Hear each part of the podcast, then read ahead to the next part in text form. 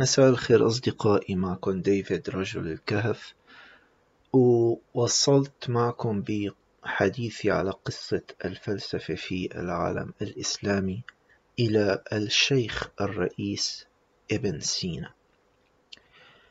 من الضروري بالنسبة للأشخاص اللي مهتمين بفهم ابن سينا أن يحضروا الحلقة السابقة اللي هي حلقة الفارابي لأنه ابن سينا كما سأشرح لاحقا هو عمليا أعماله كل الفلسفية شروحات وتبسيطات لأعمال الفارابي.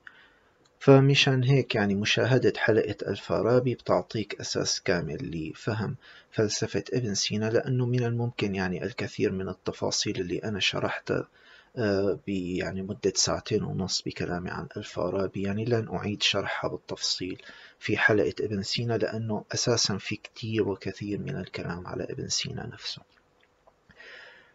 آه، بالإضافة لهذا الموضوع هاي الحلقة حتكون طويلة. فإذا أنت يعني مهتم بأنك تشوف هيك تيك أواي بمعلومات بسيطة جدا على ابن سينا هذا هي الحلقة ما حتناسبك وإنما هي حلقة طويلة وأنا عم حاول بسط فيها الأمور ويعني أحكيها بشكل سهرة ودردشة معكم آه، بقصة وفلسفة ابن سينا قصة حياته وفلسفته.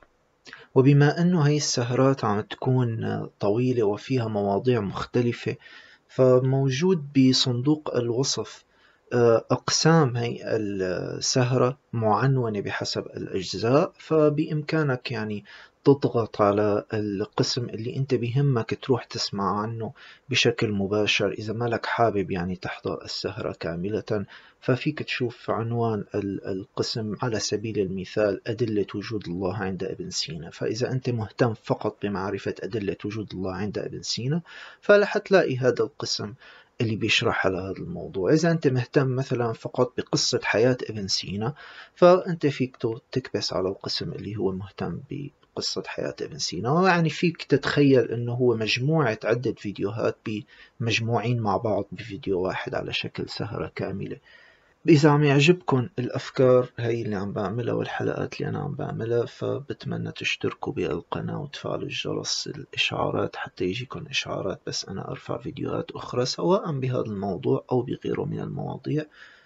ويعني أتمنى تورجوني نوع من التقدير للأعمال على الأقل بلايك للفيديوهات لحتى يعني شوي نساعد إنه اليوتيوب يعتبر هي فيديوهات مهمة ويعني يصير يعرضها لأشخاص آخرين ونساهم بنشر التوعية الأكاديمية إلى الأشخاص الناطقين باللغة العربية.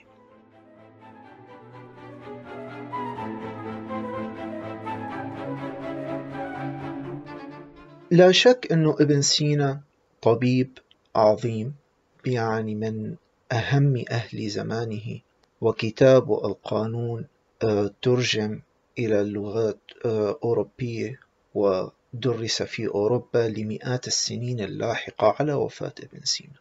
فلا شك أن الرجل عبقري وبارع جدا بالطب. لكن أنا آه، حديثي على ابن سينا هو في الفلسفة. أنا لست مهتما بالجانب الطبي وإنما أنا مهتم بابن سينا كفيلسوف. ابن سينا من الناحية الفلسفية هو لم يأتي بأي جديد تقريبا لم يأتي بأي جديد يعني هناك بعض التفاصيل فقط اللي أتى فيها جديدة آه، بقلكن عليها لكن آه، يعني كل أعماله كما آه، يقال يعني كل أعماله هي عبارة عن إعادة شرح للفارابي وتبسيط لأعمال الفارابي مشان هيك أنا الحلقة الماضية أخذت معي ساعتين ونص عم بحكي فيها عن الفارابي وفلسفة الفارابي وأفكار الفارابي لأنه وقلت لكم هو أكبر فيلسوف بالتاريخ الإسلامي وهو مؤسس مذهب الأفلاطونية المحدثة الإسلامية يعني بصبغتها الإسلامية. مشان هيك يعني عظمته. لكن المشكلة إنه الشخصيات هي القديمة مثل ما شرحت عند الكندي وقلت لكم كيف يعني تم اضطهاده بآخر حياته أيام المتوكل وتم إحراق أعماله. وحكيت لكم على اضطهاد السرخسي وابن الراوندي وابن والرازي عفوا. و فما وصلتنا أعمال لإلهم يعني وإنما وصلنا حكيت لكم على كثير شخصيات أخرى يعني تم اضطهادها وفي شخصيات لم يصلنا من أعمالها الشيء أبدا وإنما وصلنا أصلا وجودها عن طريق شخصيات أخرى غيرها كتبت عنها. آه، وغالبا هدول المفكرين اللي بيكونوا ثوريين ويعني يخرجوا على النمط العام ويخرجوا على آه، يعني النمط اللي بتدعمه الحكومة ويعني الفترة اللي ازدهر فيها العمل الفلسفي في اللغة العربية آه، والعالم الإسلامي مثل ما شرحت لكم بأول حلقة بهي السلسلة في فترة يعني المأمون والمعتصم والواثق بالله.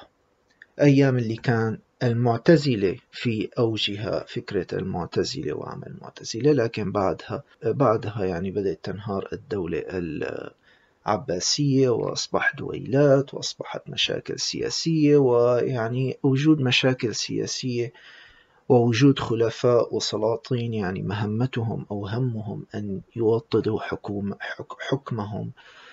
آه، فأكيد وجود مذاهب شعبوية هي التي آه، ستوطد من حكوم حكمهم. هذا تحليلي يعني أنا أو هذا التحليل اللي أنا أميل له.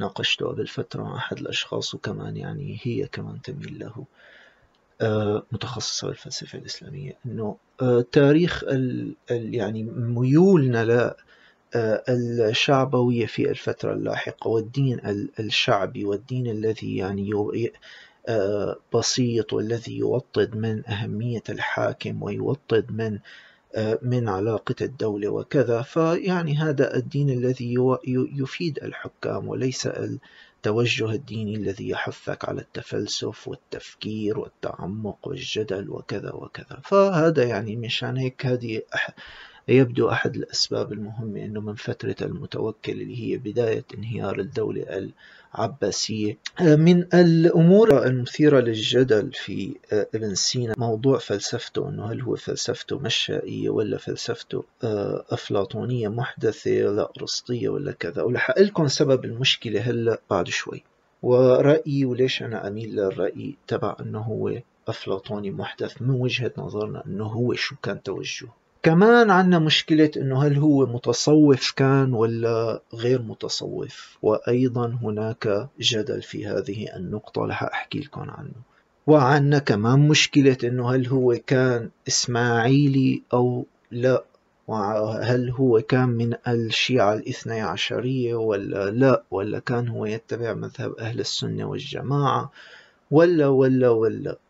آه، ابن سينا هي كلياتها تفاصيل ستروا. اختلافات ما بين آراء الأشخاص المختلفين فيه. فأنا عم يعني مضطر لكم هي النقطة لأنه ممكن إذا شخص فيكم يعني بيتابع فيديوهات عن الموضوع ومهتم يتعلم بالموضوع فممكن يلاقي أحيانا هي الأفكار كلها عم تنحك على شخصية ابن سينا مثلا. فتلاقي حدا عم يقول لك هو إسماعيلي بتروح لعند شخص تاني بيقول لك لا يا أخي هو لم يقبل بالإسماعيلية. حتلاقي حدا يقول لك ابن سينا كان متصوف كبير واحد تاني حيقول لك لا يا حبيبي ابن سينا لم يكن متصوف وإنما الفارابي اللي كان متصوف ابن سينا كان مهتم بمتاع الدنيا. فبيجيك واحد بيقول لك إيه بعرف هو مهتم جدا بمتاع الدنيا لكن لأنه هو من الشيعة الاثني عشرية وبيعطي نفسه الرخصة بأنه ال يعني الواصلين والأولياء آه، بحسب بعض مذاهب الشيعة. ترفع عنهم التكاليف وكذا فهو كان يعتبر نفسه من هدول الناس ولهذا السبب ما في مشكلة بال يعني بانغماسه بملذات الحياة اللي بيعملها. ف حتلاقوا كل هي الأمور المختلفة بتنحكى على إبن سينا. إبن سينا على عكس الشخصيات اللي أنا حكيت عنها من قبل اللي ما كان عنا يعني معلومات عنهم ولا حتى عن يعني أصولي مثل ما قلت لكم حتى الفارابي حتلاقي بعض بيقول لك هو من أصل تركي وبعض بيقول لك أصل إيراني وبعض بيقول لك أمه من هون وأبوه من هون وإلى آخره. لكن آه، ابن سينا على عكس هي الشخصيات الأخرى عنا آه، سيرة كاملة له. والسبب أنه ابن سينا هو نفسه كتب سيرة أو قصة حياته وأيضا أكمل معه عبيد الله الجوزجاني اللي لازمه لسنوات طويلة وكتب له سيرة حياته أو كتب سيرة حياته يعني لاحقا عنه ونشرها. فهي تعتبر مصدرنا الرئيسي لقصة حياة ابن سينا اللي عنا إياها من بداياته إلى نهاياته. لكن آه، أنا من الأشخاص اللي عندي مشكلة مع هاي السيرة الذاتية. وهذا رأيي أنت بتوافقني عليه ولا لأ؟ يعني أنت حر. آه عندي مشكلة مع السيرة الذاتية. مثل ما عندي مشكلة مع كل السير الذاتية بأنه ممكن الشخص يعني يتكلم يلي بده على نفسه وطالما يعني بغياب وجود آه مراجع أخرى تتكلم عن الشخص فأنت ما بإمكانك تتأكد من أنه صحة كلام هذا الإنسان أو لا. وبالتالي الأوتوبايوغرافي بنسميها. السيرة الذاتية الشخصية. إلى فوائد كبيرة لكن مو موضوعي هلأ أحكي وجهة نظري بالسيرة الذاتية لكن هي إلى فوائد كبيرة لكن حالات مثلا بالشخصيات المعاصرة أو العصور المتأخرة أو الشخصيات اللي انكتب عليها كتير ويجيك شخص هو يكتب سيرته الذاتية ففي إلى كتير فوائد بأنك تعرف وجهات نظره وشعوره وكذا وكذا. لكن ما في يعني الدرجة اللي ممكن يعني يشط فيها عن الأمور ممكن تكون محدودة أكثر لأنه في أشخاص آخرين كمان عم يكتبوا عنه ومعاصرين له بحالة ابن سينا عنا هي السيرة الذاتية هي المصدر الرئيسي فقط لكلامنا عن ابن سينا. بالإضافة يعني إلى بعض المتفرقات من هنا وهناك ببعض الأمور. لكن أنا بحسب ما قرأت كثير عن يعني قرأت السيرة الذاتية تبع ابن سينا نفسها اللي آه، كتبها ابن أبي أصيبع بطبقات بكتاب عيون الأنباء في طبقات الأطباء الجزء الثاني تبعها. آه، فهي قرأتها كاملة وكمان قرأت سير ابن سينا عن مصادر أخرى نقلت اللي بتتكلم على ابن سينا وفلسفته. فيعني أتوقع أنه كلياتهم تقريبا عم ياخذوا من هي السيرة الذاتية. مشكلة تانية عندي مع السيرة الذاتية تبع ابن سينا أنه فيها الكثير من التفخيم اللي أنا شايفه. يعني تفخيم يجعل الإنسان يعني آه، يشك من جهة بدرجة دقة يعني الكلام الموجود ويعني حتى يشك بدرجة مصداقية هذا الإنسان اللي عم يتكلم على نفسه يعني بهذا النمط من التفخيم والتعظيم الذاتي خليني أقول وأشياء من هذا القبيل. ناهيكم على أنه هي القصة تترافق مع إنه هذا الشخص يعني بشكل تقريبا كامل لم يشير إلى فضل الأشخاص الآخرين عليه بما في ذلك الأعمال الفلسفية التي تقريبا هي نسخ من أشخاص السابقين عليه.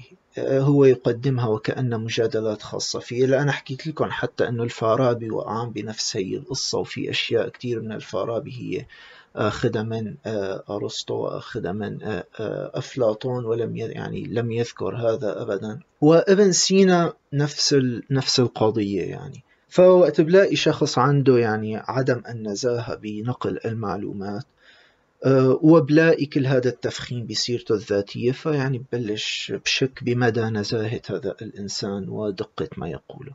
ومع ذلك أنا ما بيعني لي الأمر يعني ولن يقدم ولن يؤخر عندي قيد أنملة والمفروض أنت كمان ما يقدم ولا يأخر عندك قيد أنملة لا في يعني نظرتك للشخص ولا في أي شيء يعني لأنه أنت عم تتكلم على شخص عاش لمدة 57 سنة قبل ألف سنة من هلأ.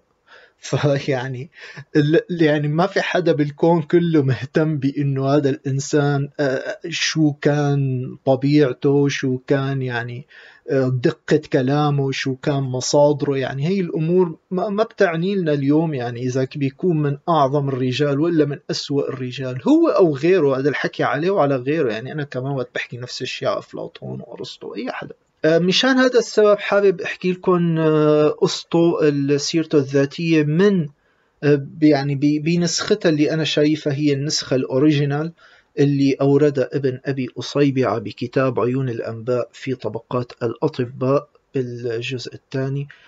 وعندي أنا النسخة اللي علق عليها ابن الطوسي وموجودة في الإشارات والتنبيهات يعني مع شرح نصر الدين الطوسي اللي موجود بالمجلد الأول. فابن سينا هو مو ابن سينا كمان يعني أبوه مو اسمه سينا. هو اسمه الحسين ابن عبد الله ابن الحسن ابن علي ابن سينا. فيعني جد جد جد جده اسمه سينا. لكن هو مشهور باسم ابن سينا. وباللغة الإنجليزية واللغات اللاتينية أفيسينا باللغات اللاتينية. إذا مرق معكم اسم أفيسينا فهو ابن سينا. أه، وكنيته أبو علي فإذا اسمه الكامل بالمراجع العربية أبو علي الحسين بن عبد الله بن الحسن بن علي بن سينا. والد ابن سينا عبد الله بن الحسن هو من أهل أه، بلدة بلخ وانتقل منها إلى آه، عدة أماكن يعني انتقل إلى خرمين وأفشنة وبعد بخارى اللي هن يعني قراب من بخارى مشان هذا السبب ممكن تلاقوا يعني عبارة ابن سينا البخاري أو ابن سينا البلخي.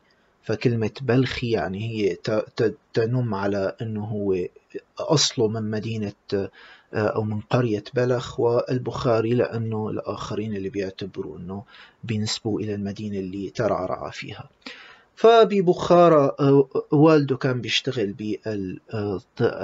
بالصرف المالي يعني الصرافة وأصبح يعني من الشخصيات المعروفة إلى حد ما في البلدة وكان من الشخصيات اللي على قدر من الثقافة ويعني يقوم بجلسات في البيت ويعني جلسات نقاشات فكرية وفلسفية وكذا. وكان يجتمع مع أشخاص من الطائفة الإسماعيلية.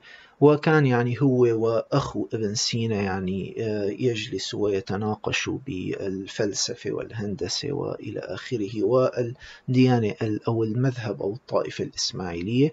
ووالده وأخوه قبلوا المذهب الإسماعيلي وأصبحوا من المذهب الإسماعيلي. وهو يقول أنا أسمعهم وأدرك ما يقولونه ولا تقبله نفسي وابتدأوا يدعونني أيضا إليه ويجرون على ألسنتهم ذكر الفلسفة والهندسة وحساب الهند وأخذ يوجهني قصده على والده إلى رجل كان يبيع البقل ويقوم بحساب الهند حتى أتعلمه منه.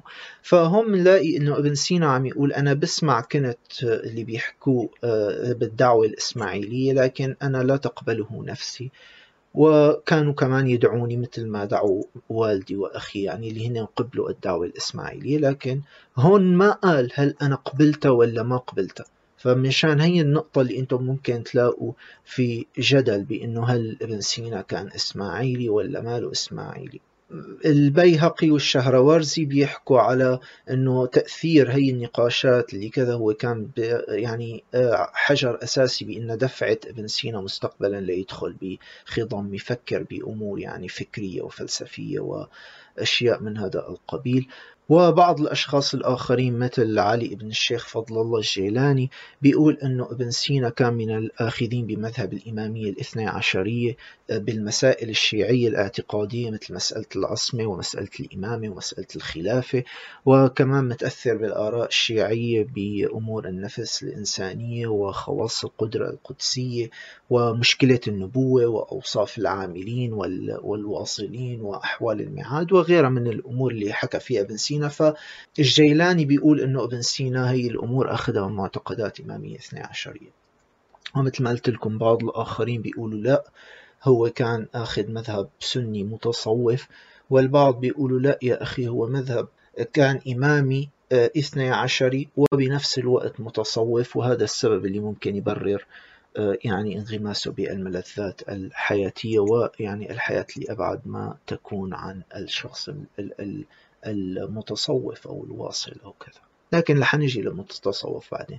فأنا هون بس حبيت أوضح لكم وين النقطة اللي إجت فيها فكرة إنه هل هو إسماعيلي ولا ماله إسماعيلي. بيقول لك إنه أنا تعلمت القرآن حفظت القرآن وتعلمت الكثير من الأدب حتى كان يقضى مني العجب. يعني كانت الناس تتعجب مني وأنا بعمر العشر سنين. وبعدين إجا شخص اسمه أبو عبد الله الناقلي.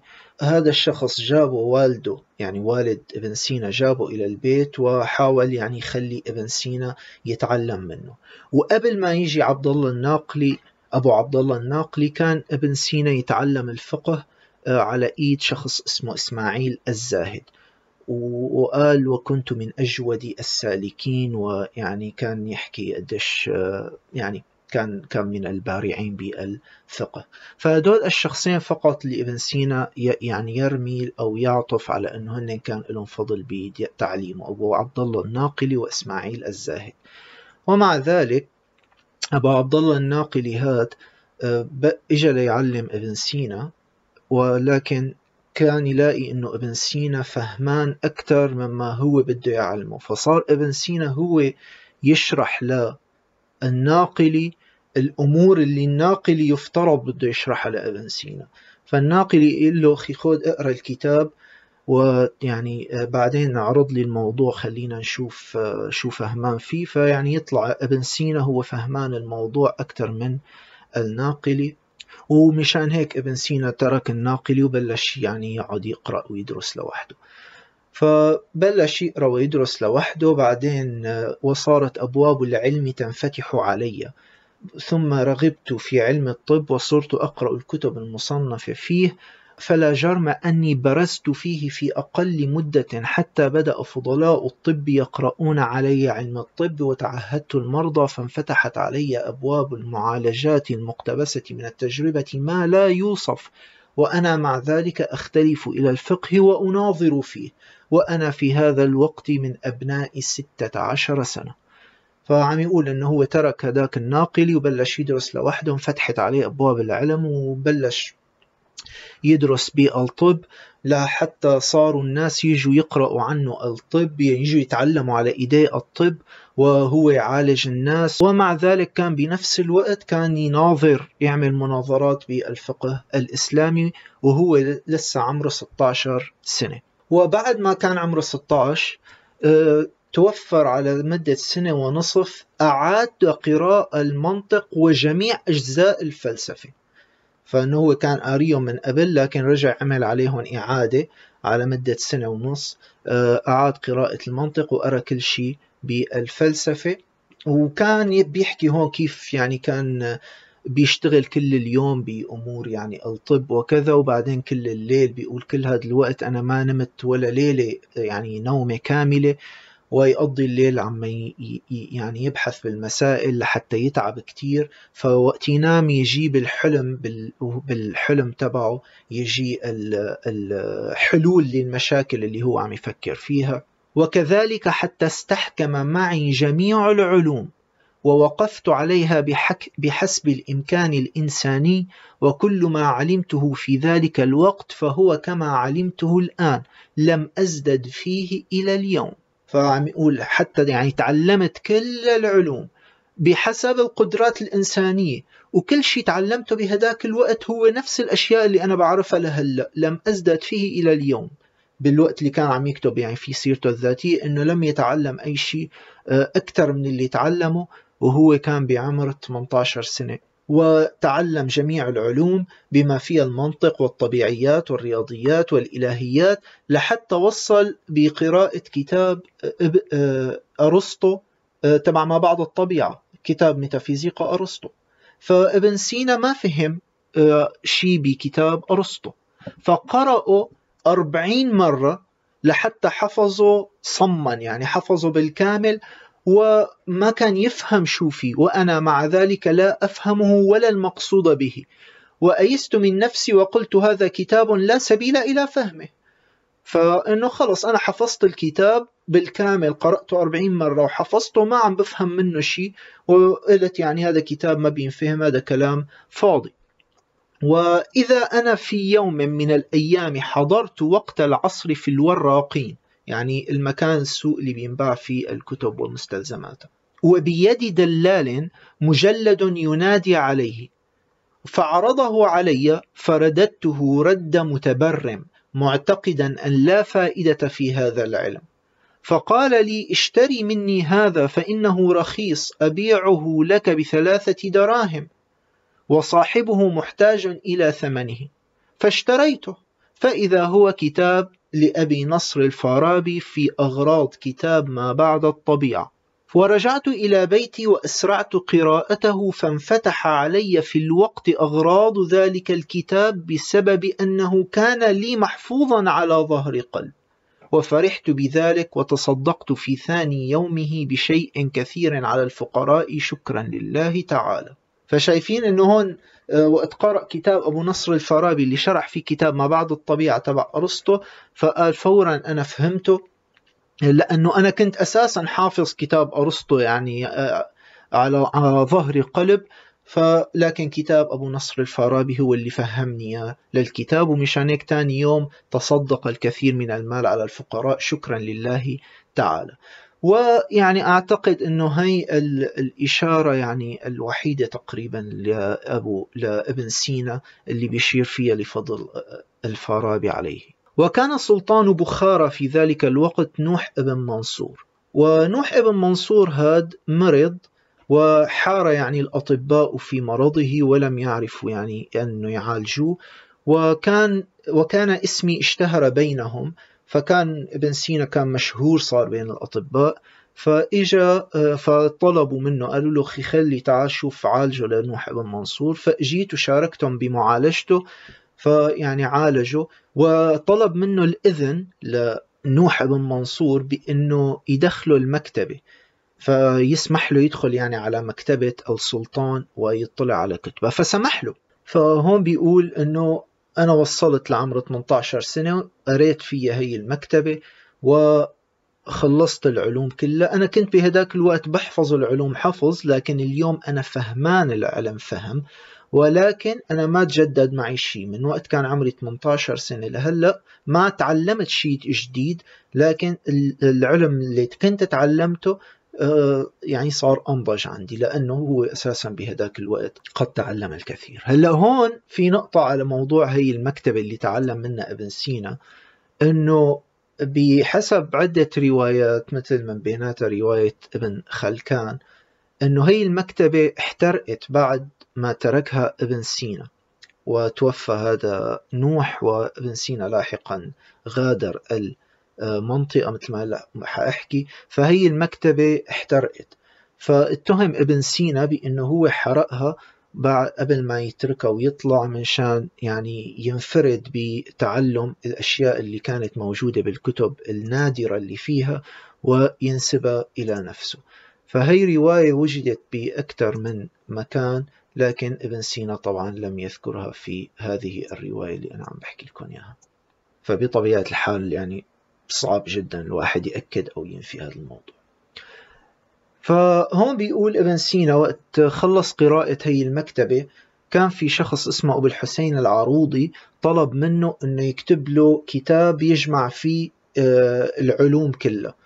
فقال كتبت له كتاب سميته المجموع وكتبت فيه كل العلوم باستثناء الرياضيات وكان عمري 21 سنة. كتب كل العلوم باستثناء الرياضيات. وكان في شخص اسمه أبو بكر البرقي آه، طلب منه يكتب له آه، ويشرح له كتب الفقه والتفسير. فكتب له ابن سينا كتاب الحاصل والمحصول بعشرين مجلد تقريبا وكتب له كتاب تاني بالأخلاق سماه كتاب البر والإثم. لكن هدول الكتابين ما في لهم غير النسخة الوحيدة اللي كانت عند أبو بكر البرقي ف بحسب ابن سينا يعني ما حدا حيعرف هدول الكتابين شو فيهم. بعدين وقت صار عمره 22 آه، سنة آه، توفى والده وكان والده وابن سينا اثنيناتهم يعني بخدمة آه، السلطان يعني إلى حد ما. وبعدها بيحكي ابن سينا كيف انتقل يعني من مكان إلى الآخر لحتى وصل إلى جرجان وبجرجان تعرف على أبو عبيد الجوزجاني ومن هون ببلش أبو عبيد الجوزجاني هو اللي بيحكي السيرة الذاتية. فبيقول يعني أنه أبو عبيد الجوزجاني هذا ما حكى لي الشيخ من لفظه ومن ها هنا شاهدت أنا من أحواله. أنه أنا اللي حبلش أحكي. فكان في شخص اسمه أبو محمد الشيرازي اشترى بيت لابن سينا ونزل ابن سينا فيه وبلش أبو عبيد الجوزجاني وبعض الأشخاص الآخرين يجوا لعند ابن سينا وابن سينا يصير يملي عليهم آه، الكتب ويكتبوا هي الكتب. وبيدرج الجوزجاني الكتب اللي آه، أملاها عليه ابن سينا وبيحكي إنه كيف ابن سينا يعني بيحكي كتير تفاصيل وكيف أي كتب وإمتى حكى له إياها وكيف وقت بيكونوا على السفر وكيف بالليل بيحكي له الكتب. وإنه يعني دائما يحكي الكتب يعني بصما يعني هو ما عم يمسك كتب أخرى ويشرح منها وإنما يعني كان يملي الكلام من ما هو حافظه يعني من الشيء اللي كان هو حافظه بالأساس ينقل الكتاب اللي عم يكتبوا بين إيديه حتى يعني كانوا يتبادلوا يعني يشتغلوا شفتات آه، بنقلهم على ابن سينا ليلحوا يكتبوا عنه. باختصار من دون ما أدخل بالتفاصيل وهون ابن سينا ببلش آه، كمان نفس القصة بيمرض آه، آه، الملك أو السلطان شمس الدولة. قبلها بيكون ابن سينا بيشتغل بخدمة السيدة وابن وابنها مجد الدولة. بعدين بيمرض شمس الدولة فبمرض القولون وبيعالجوا ابن سينا. وهون ابن سينا بيدخل بالسلك السياسي من جديد. يعني هو كان داخل مع والده وقت كان بفترة شبابه مع مع السلطان نوح وهون هلأ بيرجع لحتى يدخل مع شمس الدولة لكن هون آه، بيستلم وزارة بيصير وزير وبيصير من آه، يعني آه، ندماء الأمير يعني من الشخصيات اللي دائما موجود مع الأمير وبيصير يعني مقرب للأمير وبيصير حتى بيسافر معه إلى الغزوات والمعارك وإلى آخره وبصير هون بقى مشاكل سياسية وبينحط بالسجن والعسكر بينقلبوا عليه وكانوا بدهم يقتلوه لكن ما انقتل ويعني بتصير كتير قصص وهون تفاصيل سياسية مالي مهتم إني أحكي فيها. لكن ابن سينا بيصير معه كتير قصص وبينتقل من مكان إلى الآخر و آه، يعني حتى بيكون بينسجن لمرة من المرات وبيهرب متخفيا لمرة من المرات ويعني بيصير في مشاكل سياسية ما بين تقلده للوزارات وبيتنقل بأكثر من مكان إلى الآخر. لكن الجوزجاني دائما معه وبيشرح الجوزجاني كيف يعني ابن سينا كان يشتغل بخدمة الأمير وبالنهار وبيقضوا الليل يعني باجتماع وبيعملوا فيه نقاشات علمية وبيجوا طلبة العلم وبعدين يعني بيحبوا يعملوا جلسات الغناء والشراب وابن سينا كان يحب يعني ممارسة الجنس كثيرا وكانت هي من الأمور التي يعني كانت روتينهم العام فدائما يعني بيكون بالصباح مع الأمير وبعدين يعني بيكونوا بسهرات التدريس وإملاء العلم بالليل وبعدين سهرات الشرب والموسيقى وهكذا. ولكن كمان كان آه، آه، يسافر مع فبيحكي يعني الكثير من أعمال وتفاصيل من هذا النوع الجوزجاني. لكن آه، يعني ختام حياته كان لابن سينا. بيقول في الجوزجاني وأنا أقتبس منه. وكان الشيخ قوي القوى كلها وكانت قوة المجامعة من قواه الشهوانية أقوى وأغلب وكان كثيرا ما ينشغل به فأثر في مزاجه. وكان الشيخ يعتمد على قوة مزاجه حتى صار أمره في السنة التي حارب فيها تاج الدولة تاش فراش على باب الكرخ إلى أن أخذ الشيخ قولا وعلى حرصه على برئه بلا بلا بلا. يعني هون عم يحكي اهتمام ابن سينا بالسكس وكذا. وبعدين بيحكي كيف هي الأمور خلت ابن سينا يمرض ويتعب هذا السهر وكذا. وكيف بلش يحاول يعالج نفسه ابن سينا. ولكن كان يعني العلاج ما ينفع معه في يعني يطيب لفترة ويتعب لفترة بحسب ابن خلكان. كان يطيب أسبوع ويمرض أسبوع وحتى يعني بعض طلابه حطوا له بمرة من المرات يعني بخلطات الأدوية اللي هو عم يجرب ياخدها حطوا له كمية كبيرة من الأفيون لأنه كانوا ناويين يقتلوه. بسبب يعني كانوا ناصبين عليه مصاري أو أخذين آه، مال من خزانته فتمنوا أنه يموت ويخلصوا منه من شان يعني ما يتعاقبوا على سرقة المال بحسب الجوزجاني ولكن يعني لم يتوفى بهذا السبب فالشيخ مرض هذا المرض يعني ابن سينا وكان بسفرة مثل ما قلت لكم هلأ مع تاج الدولة. فرجعوه إلى أصفهان فبلش يعني يحاول يعالج نفسه وكان من الضعف بحيث لا يقدر على القيام فما كان يحسن حتى يوقف وضل عم يعالج نفسه حتى صار آه، يمشي ورجع مرة تانية يحضر المجالس ولكنه مع ذلك لا يتحفظ ويكثر التخليط في أمر المجامعة ولم يبرأ من العلة كل البرء فكان ينتكس ويبرأ كذا. فأنه يعني كان بالرغم من مرضه هذا ما كان يعني يوقف المجالس ويوقف الشهوات والمجامعة وكذا. وبعدين ابن سينا بيبطل يتعالج يعني بيتعب من الموضوع بيبطل يتعالج وبيقول المدبر الذي كان يدبر بدني قد عجز عن التدبير والآن فلا تنفع المعالجة. فيئسنا الموضوع وقال أخي ما عاد بدي أنا قريت بأحد المصادر بس ما عاد هلأ ما عم بذكر بأي كتاب من الكتب قريت هي المقولة فكنت قلت لكم اسم الكتاب. لكن قريت بأحد المصادر أنه في مقولة كانت لابن سينا وقت كان بهي الفترة الأخيرة بآخر حياته وكانوا عم يقول له الجوزجاني والآخرين أنه يا أخي يعني خف على نفسك شوي و وحاول يعني يعني تكون تحاول تدرأ نفسك وتعالج نفسك وتخف من هي المجالس وكذا. فقال لهم ابن سينا أنا أفضل أن أعيش حياة عريضة قصيرة على أن أعيش حياة طويلة ضيقة.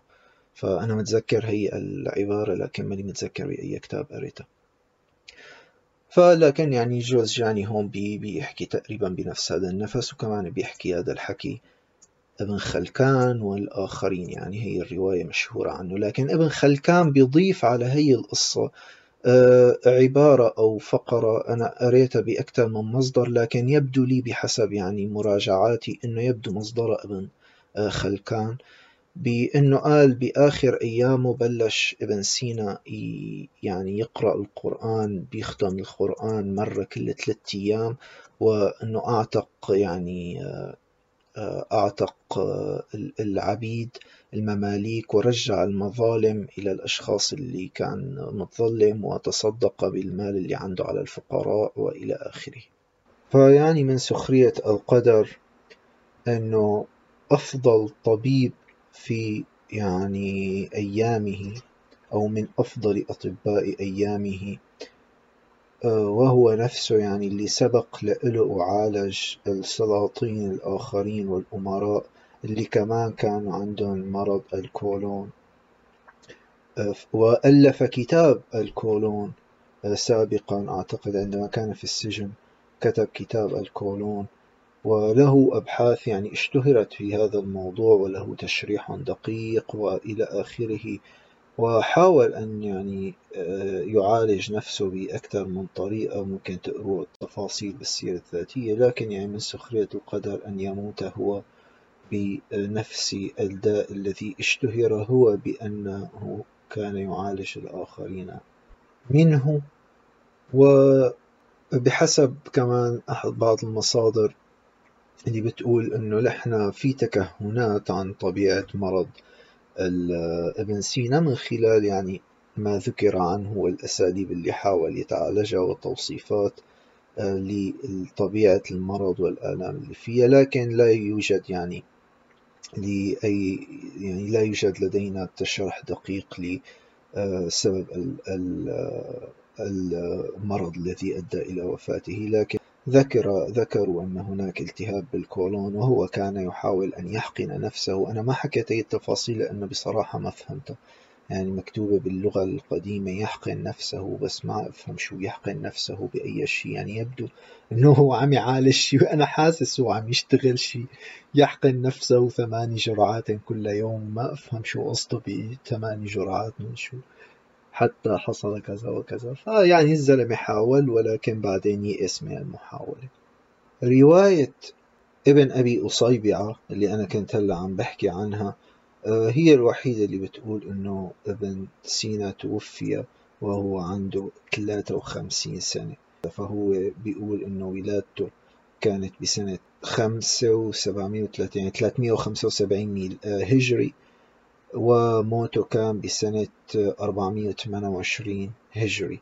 لكن باقي السير كلها تقول أن ولادته كانت آه، في 370 هجري. وبالتالي في اختلاف خمس سنوات وحتشوفوا أنه وفاته كانت بعمر 53 سنة أو بعمر 57 سنة أو 58 سنة. هدول الأرقام اللي أنا شفتهم في الموضوع. لكن الرأي الأشيع أنه هو ولد في سنة 370 هجرية الموافق 980 ميلادية وتوفي آه، تماما كما أورد الجوزجاني في سنة 428 هجرية فإذا اختلاف بتاريخ الولادة وليس تاريخ الوفاة اللي هو كان مقابل ل 1037 ميلادي. على كل الأحوال اليوم يعني له مقام في آه، إيران. يعني لم يكن المقام بالشكل اللي هو عليه لكن أعتقد قريت في مصدر إيراني أنه آه، يعني تم تحديث المقام أو تم بناء مقام يعني عند قبره لكون أكثر دقة آه، في الخمسينات القرن الماضي أعتقد 1950 وذكر المصدر الإيراني أنه قد تم يعني إنشاء نوع من مكتبة تضم عددا من الكتب يمكن للأشخاص يعني أن يستعيروا منها الكتب. آه، عند زيارتهم للمقام ولم يذكر عنه أنه قد تزوج في حياته قط إلا مركز إلا خبر واحد قرأته بالإيرانية آه، أنه هناك خبر آه، قيل عنه أنه قد تزوج لفترة قصيرة من عبدة هاربة من بغداد كانت أذكر اسمها ياسمين. فلكن زواج كان لفترة قصيرة ولم يعني يلتزم معها ولا مع غيرها بعقد زواج طويل. يعني واضح من أسلوب حياته اللي يعني دائما هو مع الأمراء والخلافات السياسية ويترك الأمراء يتنا يسافر إلى بلد آخر و يعني وحياة المجون و أو المجون. والسهر وكذا يعني لا تناسب شخص بناء عائلة ورأس أسرة توفي ابن آه، سينا وقد ترك لنا أثرا فلسفيا وعلميا عظيما جدا جدا. آه، يعني البعض المؤرخين اللاحقين متأخرين قالوا أنه ابن سينا كان في عنده 276 مؤلف ما بين رسالة وما بين مطبوعات وكذا وأعمال ومجلدات. في مصادر أخرى قالت تارك 100 مجلد. وبأعتقد ابن خلكان قريت عند ابن خلكان 100 مجلد. طبعا مو كلياتها وصلتنا وصلنا العشرات منها. وبطبيعة الحال الجوزجاني كتب الكثير من أسماء الأعمال التي قد ألفها ابن سينا. بغض النظر هل وصلتنا يعني أم لم تصلنا فمن بيناتهم بيقول آه، كتاب الحاصل والمحصول في عشرين مجلد كتاب الإنصاف في عشرين مجلد كتاب البر والإثم بمجلدين كتاب الشفاء بثمانية عشر مجلد كتاب القانون بأربعة عشر مجلد كتاب النجاة في ثلاثة مجلدات وكتاب لسان العرب في عشر مجلدات وبالإضافة بقى للكثير والكثير من الكتب والمجلدات الأخرى أكيد ما حقرا لكم الليستة كلياتها فيكم تشوفوها على الإنترنت. آه، في له كمان الكثير من الرسائل الأخرى والأشياء المختلفة. لكن كتاب لسان العرب من الكتب اللي فيه له كمان قصة طريفة بيحكيها ابن الجوزجاني بأنه ابن سينا يعني آه، قال له أحد الأشخاص بأنه أنت ما بتعرف لغة عربية جيدة جدا فابن سينا راح تعلم لمدة ثلاث سنين الكتب العربية وبعدين كتب قصائد شعرية وأدخل فيها أصعب الكلمات اللي غير مألوفة باللغة العربية ويعني رجع تحدى فيها هذاك الشخص اللي كان قايل له عليها من زمان وقال له إنه أنت فيك تفهم هدول الكلمات شو هن فيعني آه، آه، خلاه يحترمه إنه إنه آه، صار يقول له ابن سينا إنه هي كل الكلمة الفلانية هي من المصدر الفلاني والكلمة الفلانية واردة بالكلام الفلاني ومعناها كذا وكذا وذاك الشخص اللي لم يكن يعرف هذه الأمور يعني أصاب بالخجل. وبعدها ألف ابن سينا كتاب لسان العرب لم يص... بحسب ابن بحسب الجوزجاني ثم صنف الشيخ كتابا في اللغة سماه لسان العرب لم يصنف في اللغة مثله ولم ينقله إلى البياض حتى توفي فبقي على مسودته لا يهتدي أحد إلى ترتيبه. أنه ابن سينا يعني بآخر أيامه كتب كتاب لسان العرب هاد وكتاب يعني لا مثيل له ولكن توفي وهو لا يزال يعني كتب عشر مجلدات ولا يزال في مسودات هدول ولم يعرف أحد كيف ينقل هذه المسودات إلى مبيضات بحسب جوزجاني فخليني أحكي لكم شوي على أعماله وكتبه قبل ما ننتقل إلى فلسفته. لا شك أنه أهم أعمال ابن سينا هو كتاب القانون في الطب. هذا الكتاب اللي قلت لكم آه، ظل يدرس لوقت طويل كتاب ضخم وكتاب آه، يعني لا مثيل له وكتاب إبداعي. لكن بالنسبة لي الفلسفة أنا يهمني موضوع الفلسفة كتاب ابن سينا الرئيسي اللي وضعه بالفلسفة هو كتاب الشفاء وهو بمثابة موسوعة يعني للعلوم الإسلامية اليونانية. وبحسب بعض المصادر التاريخية بذكر منا مثلا كتاب كشف الظنون للمؤرخ الشهير جدا الحاج خليفة. بيقول بالجزء الثالث تبعه إنه ابن سينا كاتب كتاب الشفاء آه، يعني نقلا أو مشابها لكتاب آه، للفارابي اسمه التعليم الثاني لكن كتاب الفارابي هذا لم يصلنا. قصة هذا الكتاب وهو في المشكلة وين؟ بيقول الجوزجاني أنه سألته أنا شرح كتاب أرسطوطاليس فذكر أنه لا فراغ له إلى ذلك في ذلك الوقت. ولكن إن رضيت بتصنيف كتاب أورد فيه ما صح عندي من هذه العلوم بلا مناظرة مع المخالفين ولا اشتغال بالرد عليهم فعلت ذلك فرضيت به. فابتدأ بالطبيعيات من كتاب سماه الشفاء وكان قد صنف الكتاب الأول من القانون يعني كان كاتب الكتاب الأول من كتاب القانون بالطب وكان يجتمع كل ليلة وبيحكي بقى كيف كانوا يكتبوا الكتاب. فهون آه، الجوزجاني عم يقول لك إنه كتاب الشفاء هذا الكتاب آه، كتبه أو أملاه ابن سينا على الجوزجاني على سبيل آه، إنه عم العلوم الآخرين عم يجمع فيه علوم الآخرين من دون ما ابن سينا يوضع أفكاره فيه من دون ما يناظر بلا مناظرة مع المخالفين ولا اشتغال بالرد عليهم. فأنه قال له أنا مالي مهتم أني برر وأشرح وأعطي موقفي وكذا. فهذا كتاب الشفاء ل 18 مجلد كلياتهم هدول شرح ابن سينا لأعمال الآخرين وحقيقة ابن سينا نفسه كتب بكتاب الشفاء بالوصل بالفصل الأول بالمنطق كتاب المنطق بالفصل الأول. معظم أعماله كانت تبلش دائما بالمنطق طبعا. اقتبس من ابن سينا كتاب الشفاء الفصل الأول. فإن غرضنا في هذا الكتاب الذي نرجو أن يمهلنا الزمان إلى ختمه ويصحبنا التوفيق من الله في نظمه أن نودعه لباب ما تحققناه من الأصول في العلوم الفلسفية المنسوبة إلى الأقدمين. ولا يوجد في كتب القدماء شيء يعتد به إلا وقد ضمناه كتابنا هذا. ثم رأيت أن أتلو هذا الكتاب بكتاب آخر أسميه كتاب اللواحق يتم مع عمري ويؤرخ كذا يكون كالشرح لهذا الكتاب وكتفريع الأصول فيه وبسط الموجز. ولي كتاب غير هذين الكتابين أوردت فيه الفلسفة على ما هي في الطبع. وعلى ما يوجبه الرأي الصريح الذي لا يراعى فيه جانب الشركاء في الصناعة ولا يتقى فيه من شق عصاهم ما يتقى في غيره وهو كتابي في الفلسفة المشرقية. وأما هذا الكتاب فأكثر بسطا وأشد مع الشركاء من المشائين مساعدة.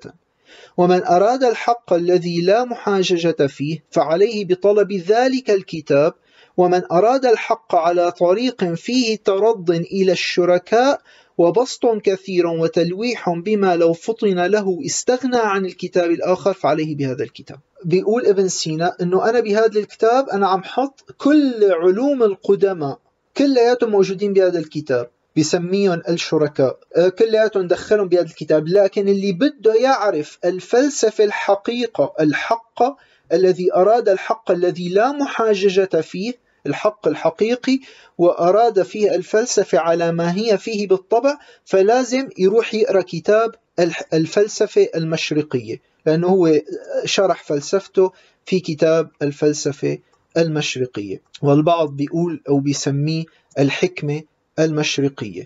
فممكن تلاقوا هدول الاسمين لهذا الكتاب اللي هو في عليه مشكلة إنه هذا الكتاب ما وصلنا منه إلا باب المنطق ما وصلنا منه إلا باب المنطق قلت لكم ابن سينا معظم أعماله الفلسفية ببلشها بالمنطق والحكمة المشرقية اللي ابن سينا عم يقلنا روحوا تعلموا منها الفلسفة تبعي والحكمة الحقيقية وكذا ما وصلنا منها غير كتاب المنطق. فهون وقعنا بمشكلة أنه ماذا قد كتب ابن سينا في كتاب الحكمة المشرقية؟ البعض يعتمد أنه كتاب الحكمة المشرقية هو كتاب حكمة مشرقية بمعنى إشراقية بمعنى تصوفية أنه ابن سينا شرح فلسفته المتصوفة بذلك الكتاب لكن في رد على هذا الموضوع من أشهر الردود هو رد السهروردي. يعني السهروردي حدا علم مهم جدا بتاريخ المتصوفة.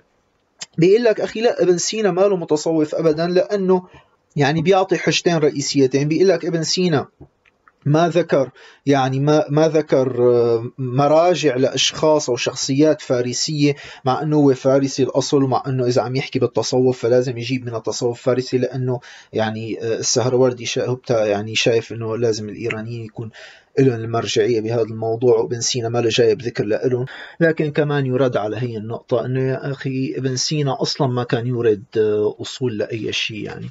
يعني تقريبا مثل ما قلت لكم كل مجادلاته وافكاره وكذا يعني آه، من ناحية بيقول لك هي إملاء لإلي للعلوم الأقدمين وكذا لكن بنفس الوقت هو ما عم ينسبها لأي حدا فما فيك تعرف بالضبط يعني وين أفكاره هو وين الأفكار اللي هو متعلمها من حدا وعم يقولها لأنه هو حافظها. السهراوردي بيقول لك أخي ابن سينا ما له حاكي بالأصل الفارسي ولا خرساني آه، خرسواني للموضوع تبعه فابن سينا ما عنده توجه إشراقي. وبيقول لك شغلة ثانية بيقول يعني حأقتبس كلمة لو كان هذا صحيحا لتضوع ريحها عليه. يعني لو كان آه، صحيحا إنه ابن سينا متصوف وكان يعني هذا الكلام اللي البعض بيقول عنه إنه هو متصوف ويعني مثل ما هو عم يحكي بأمور الكشف ودرجات التصوف وحكمة متصوفة مشرقية كذا لكان تضوع ريحها عليه كان بين عليه إنه إنه الزلمة متصوف مو كان مقبل على الدنيا سواء من ناحية يعني تعلقه مع المشاكل السياسية ووجوده يعني في الوزارات وكذا ومن ناحية يعني إقباله على الملذات الدنيوية المختلفة. فيعني هذا على عكس ما يجب أن يكون المتصوف العارف لأنه ممكن بعد شوي اشرح لكم شغلات بكتابات ابن سينا عن آه، التصوف والزهد والوصول والعرفان وإلى آخره. فيعني بيقول السهروردي إنه يا حبيبي يعني هذا بعكس حياه ابن سينا الحقيقية إذا بدكم تدعوا هيك. لكن مثل ما قلت لكم البعض رد على هذا الرد تبع السهروردي وقال إنه لا يا أخي ابن سينا آه، يعني هو كان من الشيعة الاثنى عشرية. فبعض الطوائف الشيعية بتقول لك أخي الأشخاص الواصلين الأولياء الواصلين والأئمة وكذا بترفع عنه التكاليف الشرعية. فمن شأن هيك آه، ممكن يكون ابن سينا عنده تجربة صوفية آه، لكن حياته اللي كلياتها ملذات هي ما تتعارض مع إنه ممكن يكون عايش تجربة روحية تجربة صوفية لكن هو كان معتبر نفسه إنه هو من الأولياء الواصلين. فهي لا تناقض هي آه، سهروردي البعض الآخر بيقول لك أخي لا تصوف ابن سينا تصوف نظري. فهو ما كان عنده مكاشفة أو تجربة ذوقية ما مارس حياة المجاهدة والوجد. آه، حياته كانت بعيدة عن الورع والتطور آه، الورع والتطهر وهي الأمور الصوفية. فهو ما كان مهتم بهي الرحلات الصوفية وإنما كانت حياته يعني يتكلم فيها من ناحية نظرية. فاختلفت وجهات النظر بهذا الموضوع لكن المهم بأنه ابن سينا ممكن ما يكون مثل الفارابي. ممارس للتجربة الصوفية وإنما كان دارس لها بس فكتاباته التصوفية ممكن تكون استمرار لفلسفته. لأنه الزلمة يعني حكى بالفصول الثلاثة الأخيرة من الإشارات. مثلا حكى على أنه السعادة هي اللذة العقلية وحكى على مقامات العارفين وأسرار الآيات اللي بتصدر عن هدول الناس العارفين. حكى عن الخوارق والكرامات وقال أنه الخوارق والكرامات آه، ممكن تكون بالامتناع عن الغذاء لمدة طويلة. التمكن من الأفعال الشاقة التمكن من الإخبار عن الغيب التمكن من التصرف في العناصر وقام بتعليل هي الخوارق اللي بيقوموا فيها الواصلين المتصوفة. وحكى عن اللذة الباطنية وحكى على أن اللذة العقلية هي أكمل وأعظم من اللذة الحسية وأنه في مراتب طويلة لموضوع الروح مثل القصة اللي كانت عند الفارابي اللي حكيت لكم إياها بالحلقة الماضية وكيف إنه الروح بتسمى والنفس بتسمى لأن هي تتحد مع الروح الكلية وكذا. ف وتتحرر من العالم المادي ولو إنه عنده مشكلة بالتناسخ لكن أنا ما عم بحكي عن موضوع التناسخ هلا عم بحكي عن موضوع التجربة الروحية. فمثلا مشان تفهموا علي يعني بيقول بالإشارات فكمال الجوهر العاقل أن تتمثل فيه جلية الحق بقدر ما يمكنه أن ينال منه ببهائه الذي يخصه ثم يتمثل فيه الوجود كله على ما هو عليه مجردا عن, الشو... عن الشواب مبتدئا فيه بعد الحق الأول بالجواهر العقلية العالية ثم الروحانية السماوية والأجرام السماوية ثم بعد ذلك تمثلا لا يميز الذات. فهذا هو الكمال الذي يصير به الجوهر العقلي بالفعل وما سلف فهو الكمال الحيواني. فشايفين فكرة أنه الكمال الحيواني الشهوات الحيوانية نفس بتترقب عن هذا الموضوع والجواهر العقلية العقل الجوهر العقلي العقل بالفعل والعقل تبع الأجرام السماوية وصولا إلى العقل الأول. وبيقول لك إنه هي النفس ما بتحقق إلا إذا كان يعني آه تناس آه، تفارقت هذا البدن بعدين النفس لا تحقق كمالها الكلي يعني بعد الموت إلا إذا فارقت البدن لكن نفوس الناس الجاهلين اللي هن لم يصلوا إلى ما وصلنا إليه وفتح عليهم كما فتح علينا فيه وهذا الكلام اللي بينحكى. آه، فهي الأرواح بكل أسف ما بتتناسخ مثل ما بيقول الفارابي. هون معدل على موضوع الفارابي لكن هون في كتير قصة بتصير complicated أو معقدة. أصلا موضوع الفارابي بالتناسخ معقد حكيت لكم بآخر الحلقة الماضي فنفس الشيء عند ابن سينا لكن ابن سينا بمجادلته بيقول لك إنه الأرواح ما بتصير يعني آه، ما بتتناسخ فهو لا له عامل تناسخ الأفلاطوني ولا ولا الفارابي لكن بيقول لك إنه هي بتفوت بتصير مثل بتعلق بالمادة وتصبح مثل آلات للمادة حبيسة فيها. والبعض بيقول إنه كتاب الفلسفة المشرقية بيقصد فيه ابن سينا آه، فلسفة العالم الشرقي بمقابل إنه هو بأعماله الأخرى اللي هي النجاة والشفاء كان يتكلم بفلسفة آه، غربية اللي هي الفلسفة الأفلاطونية والأفلاطونية المحدثة والأرسطية. لكن هذا ما له رأي قوي يعني. لكن آه، بغض النظر كيف الموضوع في نوع من الإجماع أنه ابن سينا آه، كان توجهه توجه أفلاطوني محدث أفلاطوني محدث هذا التوجه نفسه يعني آه، مو إجماع خليني نقول الرأي الأكبر واللي أنا كمان أميل له هو الرأي الأكبر أنه ابن سينا ما كان عنده توجه غربي آه، عفوا شرقي وإنما كان عنده توجه أفلاطوني محدث بالنسخة الإسلامية اللي كان موجود عند الفارابي ولكن وهذا التوجه نفسه اللي رح يتطور لاحقا أو حيلتقي لاحقا مع آه، السهروردي وكذا. وهذا الشيء اللي بنلاقيه كمان بالنقود على ابن آه، سينا يعني اللي نقدوه مثل أبو أبو البركات البغدادي وابن آه، رشد وقت بينقد ابن سينا لاحقا وحتى أبو حامد الغزالي. فيعني هي مشكلة مع كتاب حكمة المشرقية ومع كتاب الشفاء. فإذا هون وقعنا بهذا آه، الموضوع. يبدو أنه أي شيء بدك تقرأ من كتاب الشفاء هذا مو رأي ابن سينا أبدا. لكن هذا رح يحطني بمشكلة أخرى أنه ابن سينا عمل تلخيص لكتاب الشفاء بكتاب اسمه النجاة. كتاب النجاة هو مشهور جدا عن ابن سينا وأنا يعني المهتم بالموضوع أنصحه بقراءة كتاب النجاة. يعني هذا من الكتب اللي أنا وقت قريتها. يعني اللي فعلا بيمسكك. يعني بتبلش عم تقرأ أنت بيكون بدك تقرأ فقرات معينة أو أو فصول معينة وبتلاقي نفسك عم تسحب تسحب معه أسلوبه بالكتابة جميل. فكتاب النجاة أسلوبه سلس واشتهر كثيرا لكن هون بيوقعني بمشكلة إنه هل ما كتب في كتاب النجاة هو أفكار ابن سينا ولا هو عم يقصد فيها أفكار الأقدمين؟ مثل ما قال بمقدمة كتاب أو بالفصل الأول من كتاب الشفاء. إذا هذا تلخيص لكتاب الشفاء معناتها المجادلات اللي ابن سينا ذاكرها هون هو ما عم يقول هي مجادلاتي.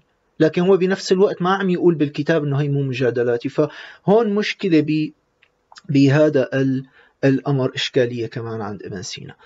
فيعني ممكن أقرأ لكم من مقدمة كتاب النجاة بيقول في سألوني أن أجمع لهم كتابا يشتمل على ما لا بد من معرفته لمن يؤثر أن يتميز عن العامة وينحاز إلى الخاصة ويكون له بالأصول الحكمية إحاطة. وسألوني أن أبدأ فيه بإفادة الأصول من علم المنطق ثم أتلوها بمثلها من علم الطبيعيات ثم أورد من علمي من علمي الهندسة والحساب ما لا بد منه لمعرفة القدر الذي يقرن بالبراهين على الرياضيات وأورد كذا وكذا وبيحكي كل شيء. يعني عم بده يحكي بكتاب النجاة. فالفكرة أنه عم يقول سألوني أني أجمع كتاب آه، تبع يعني هي فكرة الجوزجاني بالأساس اللي حكيت لكم إياه قبل شوي. فشايفين يعني هون عم يقول إنه أنا جمعت اللي لازم يعرفه الشخص اللي بده يتميز عن العامة وينحاز إلى الخاصة ويكون له بالأصول الحكمية إحاطة. ف يعني يبدو أنه هو آه، هذا مو كلامه يعني هو عم يعطي معرفة للناس فقط لكن مو بالضرورة تكون آراءه الشخصية. ما علينا. لكن كتابه الرئيسي الثاني إذا اعتبرنا كتاب الشفاء وكتاب النجاة هن عمل واحد واحد فيهم هو ملخص للثاني كتابه الرئيسي الثاني بالفلسفة هو كتاب الإشارات والتنبيهات. وهو من المؤلفات المتأخرة لابن سينا و من الكتب أيضا الجميلة وهو أيضا من الكتاب إذا بدك تقرأ الكتاب موجود بأربع مجلدات مع تعليق ابن الطوسي وإذا بدك تقرأ الكتاب كمان من الأسلوب السلس والسهل وحتى أسهل من كتاب النجاة بما أنه هو ألفه ب يعني زمن متأخر فيعني يبدو أنه أسلوب صياغته الأدبية أو العلمية يعني كانت تحسنت أو هذا وجهة نظري طبعا يعني ما في ما في أمر أبيض وأسود بهيك أمور. لكن هذا رأيي بالموضوع. كمان كتاب الإشارات والتنبيهات يعني من الكتب اللي آه، كبيرة لكن بنفس الوقت ممتعة قراءته. وعنده أيضا أعمال أخرى تشبه يعني أعمال سابقة عليه مثل رسالة في الحدود تشبه رسالة الكندي في حدود الأشياء ومعمولة مثلها. ورسالة الكندي كانت أصلا معمولة مثل مقالة أرسطو آه، الخامسة بكتاب ما بعد الطبيعة. فالكندي عامل رسالة مسميها في حدود الأشياء عاملها نسخا أو تشبيها لمقالة أرسطو الخامسة بكتاب ما بعد الطبيعة وإجا ابن سينا عامل رسالة سماها في الحدود كمان بتشبه رسالة الكندي. في له رسالة بأقسام العلوم النظرية بتشبه كتاب الفارابي في إحصاء العلوم لكن أقل يعني أقل اتساعا منها. في له كمان أعمال أخرى مهمة ورح أحكي لكم عليها مثل آه، قصة حي بن يقظان ومثل آه، رسائل في التصوف كمان بتشبه أعمال سابقة عليه ولكن هو آه، كمان يعني مثل هدول الحالات لم ينسب إنه هي الأفكار هي من أشخاص آخرين. لكن قبل ما أروح بهديك الأعمال لأنه هديك الأعمال حتأخذني على التصوف أنا حابب أحكي على مجادلته عن وجود الله. ابن سينا بيعمل أكثر من مجادلة على آه، وجود الله. وأنا صراحة سجلت فيديو طويل أو تسجيل طويل كنت عم بقرأ في المجادلات من كتب ابن سينا وعم بشرح لكم إياها.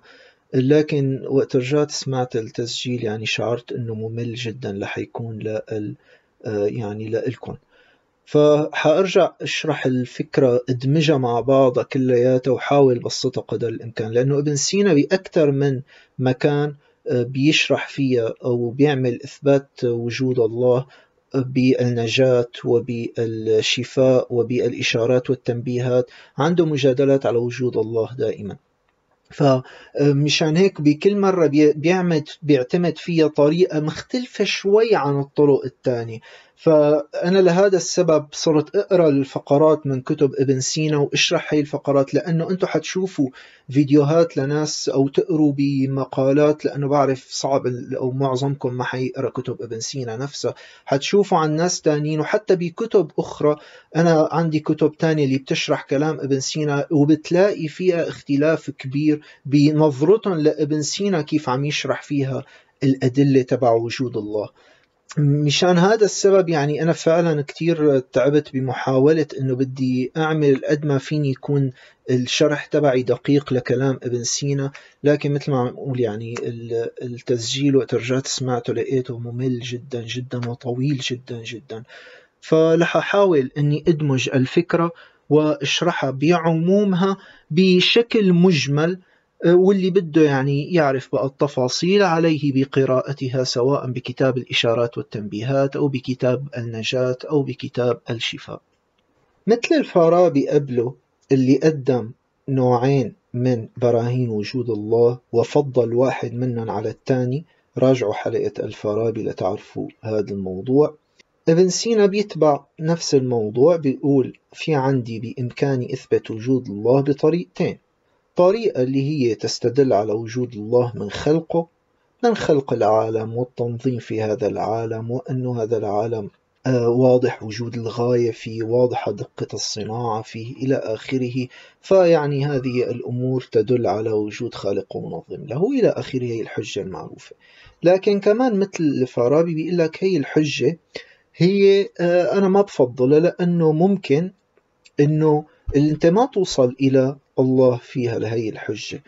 هي حجة تنفع مع رجل الشارع العادي مع أنه هو هي الحجة للقرآن بي بيقول فيها. يعني يقول سيروا في الأرض وبعرف شو هي الأشياء.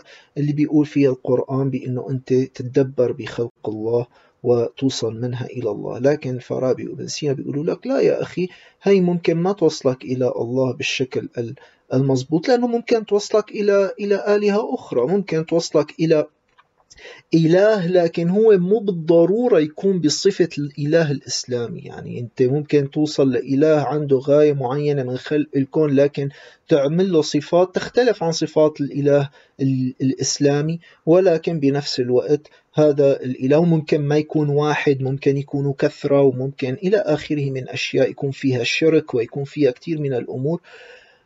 لكن الله يعني آه، بيقول على هذا النمط من تدليل على وجوده لأنه هذا النمط اللي بيشتغل مع رجل الشارع العادي. وإنما في دليل تاني اللي بفضله آه، هو دليل برهان عقلي محض. يعني برهان أنت من دون ما تتدبر بالخلق ومن دون ما تبحث أنت بإمكانك بمجرد جلوسك وتفكيرك في التحليل للأمور بتوصل مو بس إلى الله وإنما بتوصل إلى وجود صانع لهذا الكون وصفاته تشابه صفات الإله الإسلامي إلى حد كبير من صفات الوحدانية والخير وإلى آخره من أشياء. لهذا السبب اشتهر على هذا الدليل أنه برهان الصديقين لأنه هذا البرهان اللي ممكن الناس الفلاسفة والمفكرين والقريبين من الله وكذا هن اللي يحسنوا يتوصلوا لهذا البرهان. لكن هذا البرهان يعني انتقد كثيرا من ناس كثيرين بعدين انتقد من الغزالي وانتقد من ابن رشد وانتقد بالعالم الغربي من قبل كثيرين من الفلاسفة المتدينين يعني. لأنه في مشاكل فلسفية لكن أنا هلأ مالي بصدد أني أنقد برهان آه، الصديقين. وبرهان الصديقين آه، في إشكالية نوعا ما على تصنيفه. هل هو برهان وجودي أم هو برهان آه، كوني؟ يعني هل هو ontological argument ولا cosmological argument رح تلاقوا ناس بتقول هيك وناس بتقول هيك. لأنه آه، أنا قلت الحجة الأنطولوجية بتنطلق من أنه أنت تفكر بالوجود من حيث هو وجود مجرد تفكير عقلي. وعمليا برهان هذا هو برهان بيشتغل بهي الطريقة إنك أنت تفكر بواجب الوجود من حيث تفكير عقلي بتوصل إلى الله. لكن آه، بنفس الوقت ابن سينا ببلش برهانه بأنه هو بينظر إلى الوجود من حيث هو موجود وبيصعد ليثبت من وجود هذا الوجود إنه في آه، واجب وجود بصفات الله وكذا. فيعني آه، ابن سينا اشتغل تقريبا بأنه فرض واجب الوجود وحاول يثبته لكن بنفس الوقت بإثباته لواجب الوجود بإحدى الطرق وخاصة هي الطريقة الرئيسية اللي اعتمدها بيقول لك انظر إلى الوجود من حيث هو موجود. فمن شأن هذا السبب هيك صار اسمها حجة آه، كوزمولوجية لأنه أنت عم تنظر إلى الكوزموس عم تنظر إلى العالم عم تنظر إلى الوجود ومنه تستدل على واجب الوجود. فلهذا السبب حتلاقوا اختلاف ما بين آراء البعض هل هي حجة كونية ولا حجة أنطولوجية وأنا مثل ما قلت لكم رح حاول أشمل الموضوع بشرح وافي ابن سينا رح يستعمل أكثر من طريقة لي ليوصل فيها لهي المجادلة. فابن سينا بيقول لك وجود الأشياء مو كله مثل بعض. في أشياء لازم تكون موجودة وفي أشياء مو بالضرورة تكون موجودة. في أشياء ممكنة الوجود وهي الأشياء التي يستوي أن تكون موجودة أو لا تكون موجودة. لا يوجد ضرورة عقلية كي تكون موجودة. مثال ديفيد هل أنا ضروري أني أكون موجود ولا من الممكن أني أكون موجود؟ بالنسبة لإلي كديفيد بغض النظر عن وجود أي أمور أخرى خارجية فيك تتخيل الكون من دون ديفيد؟ هلا إذا أنت بتحبني كتير فما فيك تتخيل هذا الشيء لكن بالنسبة لابن سينا فيك تتخيل أنه الكون موجود من دون ديفيد. عادي. هل يوجد أي استحالة بالموضوع؟ لا لا يوجد. فينا نتخيل أنه الكون كله مو موجود عادي. ممكن ما يكون الكون موجود. يعني في في مشكلة بإنه ما يكون الكون موجود؟ ممكن ما يكون الكون موجود. فيك تتخيل إنه ما في بالكون غير مجرة درب التبانة؟ فيك تتغير إنه ما في بالكون غير مجرة درب اللبانة الميلكي واي. وما في مجرة أندروميدا يا أخي ما لها موجودة بالكون. عادي فيك تتخيل هذا الأمر. فهدول الأشياء ممكني الوجود. لكن في أشياء تانية ما بإمكانك تتخيل إنه هي ما موجودة مثل شو؟ مثل رقم أربعة وقت أنت بتقول اثنين زائد اثنين فيك تتخيل إنه الأربعة ما موجودة؟ فيك تقول إنه وجود الأربعة بالنسبة لاثنين زائد اثنين هي عادي مثل بعضها؟ بيقول لك ابن سينا لا هون الأربعة هي هي واجب الوجود لا بذاتها وإنما واجبة الوجود بغيرها. مين هو غيرها؟ هن الاثنين زائد اثنين. فواجب الوجود تعريفه هو الذي متى فرض غير موجود عرض منه محال. يعني ما فيك تتخيل إنه هو مو موجود. ما فيك تتخيل إنه 2 زائد 2 لا تساوي 4 تساوي لا شيء. لا أكيد تساوي الأربعة. بيجي ابن سينا بيقول لك طيب في شيء واجب الوجود بذاته من دون غيره. شو يعني واجب الوجود بذاته؟ بيقول لك يعني هذا الشيء اللي إذا أنت بتتخيل ماله موجود بيكون مستحيل. يعني مستحيل تتخيل إنه هو مو موجود. في شغلة لازم تكون موجودة من دون ما يكون في دخل لأي شيء تاني يتسبب بوجوده. هاي اسمها واجب الوجود بذاته. واجب الوجود بذاته هو الذي لذاته لا لشيء آخر. أي شيء كان يلزم محال من فرض عدمه. يستحيل أنك تتخيل انه هذا الشيء ما له موجود ومو لسبب أي شيء تاني. ابن سينا مجادلته أنه يوجد شيء واحد وجود واحد. هو واجب الوجود وهذا الوجود الواحد اللي هو واجب الوجود بذاته هو الله. وما دونه كلها أمور ممكنة الوجود أو واجبة الوجود بغيرها. فاذا عندي ثلاث أقسام بالنسبة للوجود. واجب الوجود بذاته واجب الوجود بغيره وممكن الوجود. هلا مستحيل الوجود هو ما له وجود أصلا. إذا شغلة مستحيلة إنه تنوجد فهي ما لها موجودة فهي ما لها قسم من أقسام الوجود. إذا شيء ممكن الوجود لكنه ما انوجد فهو بيضل في حيز ممكن الوجود. وإذا شيء ممكن الوجود وانوجد نتيجة وجود عوامل أخرى كان واجب الوجود بغيره. مثل أنه ممكن تحترق غرفة ديفيد اللي هلأ موجود هو فيها. هذا ممكن الوجود. ممكن بذاته. ممكن بذاته. يوجد فكرة الاحتمالية وجود حريق بغرفة ديفيد ممكن. ممكنة بذاتها إذا ما احترقت غرفة ديفيد فبتضل الاحتمالية موجودة كممكنة بذاتها هل هي مستحيلة الوجود؟ لا طبعا ممكنة الوجود. ممكن تتخيل غرفة ديفيد عم تحترق. مو مستحيل هذا الاحتمال.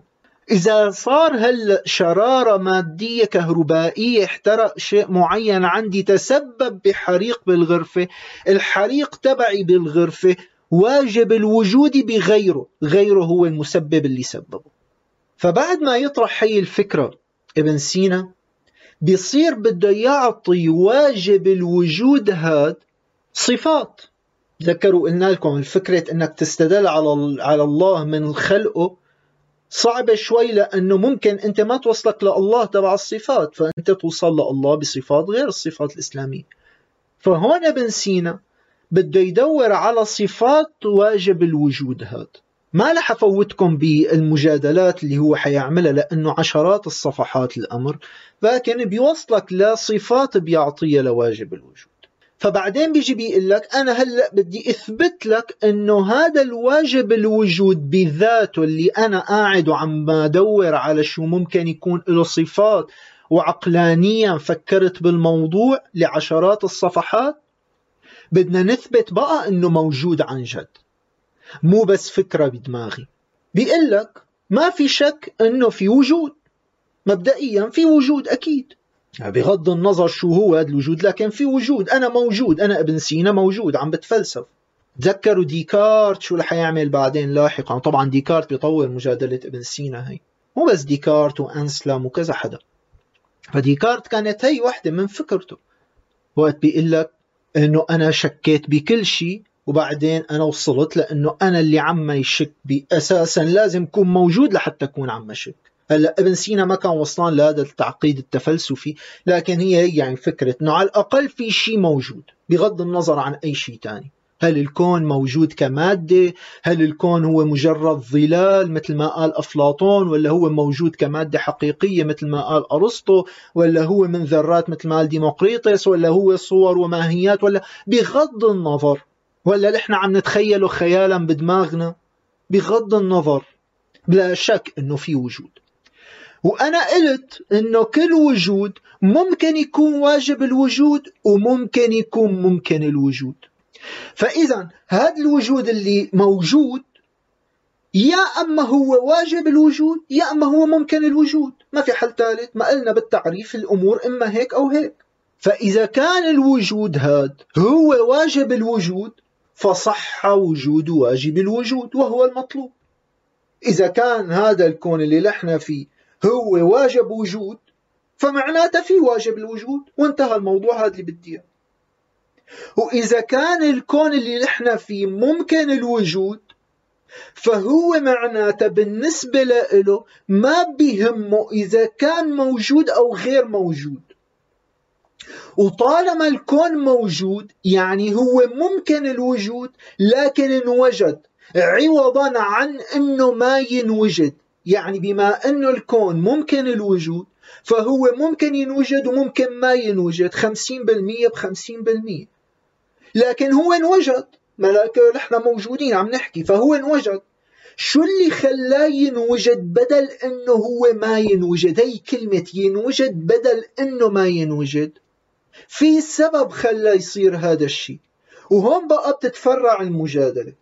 إذا كان هذا الكون هو نفسه في عنده سبب لحتى هو يعمل نفسه فمعناته هو واجب الوجود ما له ممكن الوجود. إذا هو نفسه سبب نفسه ورجح أنه ينوجد عن أنه ما ينوجد معناته هو واجب وجود بذاته. فمعناته كلمتنا أنه هو ممكن الوجود أي غلط. إذا كان هذا الكون ممكن الوجود وبده شغلة تانية لحتى تخليه يصير موجود فهي الشغلة الثانية الكائن الثاني الشيء الثاني اللي هو اللي حيخلي الوجود موجود إما كمان أنه هو يكون ممكن الوجود أو واجب الوجود. وهيك أنت بإمكانك ترجع بسلسلة إلى اللانهاية أو بإمكانك تعمل دور. والأمرين مرفوضين لو أنه هو ما دقق كثير على موضوع اللانهاية الفارابي دقق على موضوع اللانهاية. رجعوا راجعوا حلقة الفارابي. الفارابي قال لك لا أخي اللانهاية ما لها مقبولة عندي. الكندي قال لك ما لها مقبولة اللانهاية. ابن سينا بيلعب حركة مختلفة. أولا بيقول لك ما ممكن أنه إذا هدول الاثنين ممكني الوجود يعني الوجود تبعنا كان ممكن الوجود. ولأنه ممكن الوجود لحتى ينوجد عوضا عن إنه ما ينوجد في شيء ثاني أوجده. أخذ هذا القرار إنه انوجد يا وجود بدل إنك ما تنوجد. فإذا هداك الشيء الثاني كمان ممكن الوجود. وبدك تقول إنه ممكن الوجود تبعنا هو اللي خلى هداك سبب إنه هداك يكون موجود. فأنت عم تقول إنه ألف هي سبب باء ولكن باء هي سبب ألف. وهذا الكلام مرفوض. ما بإمكان الشيء نفسه يكون هو سبب ومسبب بدائرة مع أنه إحنا بنستخدمها كتير بالمجادلات تبعنا. بتلاقي اثنين عم يتخانقوا مع بعض والاثنين كل واحد فيهم عم يرمي السبب على الثاني. ليش ضربته لأنه هو ضربني؟ طيب أنت ليش ضربته لأنه هو ضربني؟ طيب ليش ضربته لأنه ضربني؟ ومنضل على الآنين مين اللي ضرب الثاني بالأول؟ لأنه نحن ما حنقبل إنه هن الاثنين سبب ضرب لبعض أو سبب شتيمتهم لبعض إنه كل واحد هي السبب مسبب للثاني. لحنضل عم نقول لا أخي أكيد بالنتيجة في واحد من بيناتكم هو اللي بلش وسب أول مسبب والثاني رد عليه. ما ممكن أنتوا الاثنين يكون سبب المسبات المتبادلة إنه أنتوا الاثنين سبيتوا بعض سبب المسبات المتبادلة. هذا الدور مرفوض. فإذا لا الكون هو حيكون آه، من كون ثاني بدور. فإذا إما يكون الوجود أو الشيء الثاني في واجب وجود هو اللي أوجده وبالتالي انحلت القصة وخلص لقينا واجب وجود. وإن شاء الله يكونوا عشر وجودات كل واحد فيهم بكلمة وجود خلينا نقول كائن بينج يعني في كائن ممكن الوجود أوجده كائن ثاني ممكن الوجود أوجده كائن ثالث ممكن الوجود إلى إلى لو وصلنا للوجود هذا اللي نحن فيه. بغض النظر شو طبيعة هي الوجودات ولا كائنات ولا شو ما بدك تكون. بغض النظر ما بيهمني. إذا في واحد بالأول هو اللي بلش هي الشرارة وما كان في له سبب وإنما أنت ما بإمكانك تتخيل عدم وجوده لأنه إذا تخيلت عدم وجوده فأنت حتتخيل هدول ممكنات الوجود عم يرجعوا للانهاية هذا واجب وجود بذاته. فبمرة من المرات استعمل هي المجادلة وقال لك هي سلسلة وما فيك تروح بالسلسلة للانهاية بمرة ثانية عمل مجادلة مبتكرة له. هديك مجادلة السلسلة مشتركة مع الفارابي. عمل مجادلة أخرى قال لك ماشي يا سيدي. خلينا نقول إنه في سلسلة لا نهائية من ممكنات الوجود. تكرم. شو بدك؟ سلسلة لا نهائية ممكن وجود سبب ممكن وجود سبب ممكن وجود. أخي أنا معك. لكن هي المم... السلسلة نفسها تبع ممكنات الوجود هي موجودة ولا ما لا موجودة؟ هي موجودة. ما سلسلة ممكنات وجود موجودة. ليش موجودة يا ديفيد؟ لأنه في وجود اللي نحن بالأساس بلشنا المشكلة منه وعم ندور على سبب وجوده. فإذا لنفرض جدلا في سلسلة لا نهائية من الوجودات الممكنة كل واحد منا عم يرجح الثاني. هي السلسلة كيف موجودة؟ طالما هي موجودة فمعناتها هي يا أما ممكنة الوجود وبالتالي بدها كمان شيء لحتى يوجدها ويرجح وجود السلسلة. أو هي السلسلة كلياتها اللانهائية واجبة الوجود بذاتها. يعني لا يستحيل أنه نتخيل أنه ما لا موجودة. وكمان بنكون أثبتنا لك وجود واجب الوجود. شفتوا كم كم درجة صرنا عم نعمل؟ إذا الوجود نفسه هو واجب وجود فمعناته أثبتت واجب الوجود. إذا الوجود نفسه ممكن الوجود لكن في شيء ثاني من برا هو اللي خلاه يكون موجود فهذاك الشيء الثاني اللي من برا هو واجب الوجود. وإذا بدك تقول إنه الشيء اللي من برا ممكن الوجود وتروح لسلسلة طويلة طويلة طويلة لازم توصل لواحد من هي السلسلة تكون واجب الوجود بذاتها. وهي اللي بلشت السلسلة. ويا سيدي إذا كل السلسلة لا نهائية من ممكنات الوجود هي السلسلة ككل موجودة. وبالتالي إما أن تكون واجبة الوجود بذاتها وإما أن تكون ممكنة الوجود. وإذا كانت ممكنة الوجود فرح نرجع نعمل نفس السيران. إنه هي ممكنة الوجود فمين اللي رجح وجودها على عدم وجودها ففي شيء تاني رجح وجود هي السلسلة على عدم وجودها وهكذا. لكن هو يرى إنه هي السلسلة لازم تكون واجبة الوجود. ليش؟ لأنه هو بيشوف أنه إذا كانت ممكنة الوجود فهي بدها تكون عنصر من عناصرها. يعني هي سلسلة ممكنات وجود. وإذا كانت هي السلسلة نفسها هي كمان ممكنة وجود فهي صارت السلسلة هي نفسها عنصر من عناصرها. فبيقول لك هذا تناقض فمعناتها لازم تكون إجباري واجبة الوجود. لكن بيقول لك ممكن يجيني ناس يقولوا يا أخي لا ما بيصير تكون هي السلسلة تقول عنها ممكنة الوجود لأنه هي السلسلة ما بإمكانها تكون تشارك عنصر من عناصرها لأنه السلسلة أو لأنه المجموعة لا تحتوي أو لا تشكل صفات. آه عناصر هذه المجموعة. فمجموعة الأعداد هي ليست عدد.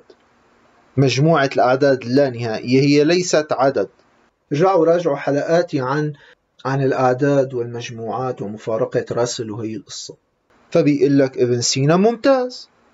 معناتها إذا كانت مجموعة الموجودات الممكنة الوجود لا يمكن أنه هي أو ليس من الضروري أنه هي تتشارك مع عناصرها معناتها أنتم أثبتوا اللي أنا بديها معناتها هي مو ممكنة الوجود فإذا هي ما بيصفى غير خيار أنه هي واجبة الوجود.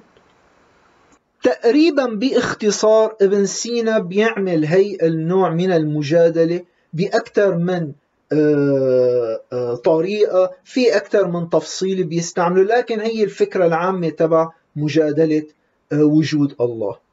بيقول لك كيف ما بدك تفكر بالموضوع لازم توصل لنتيجة إنه في شيء واجب الوجود بذاته.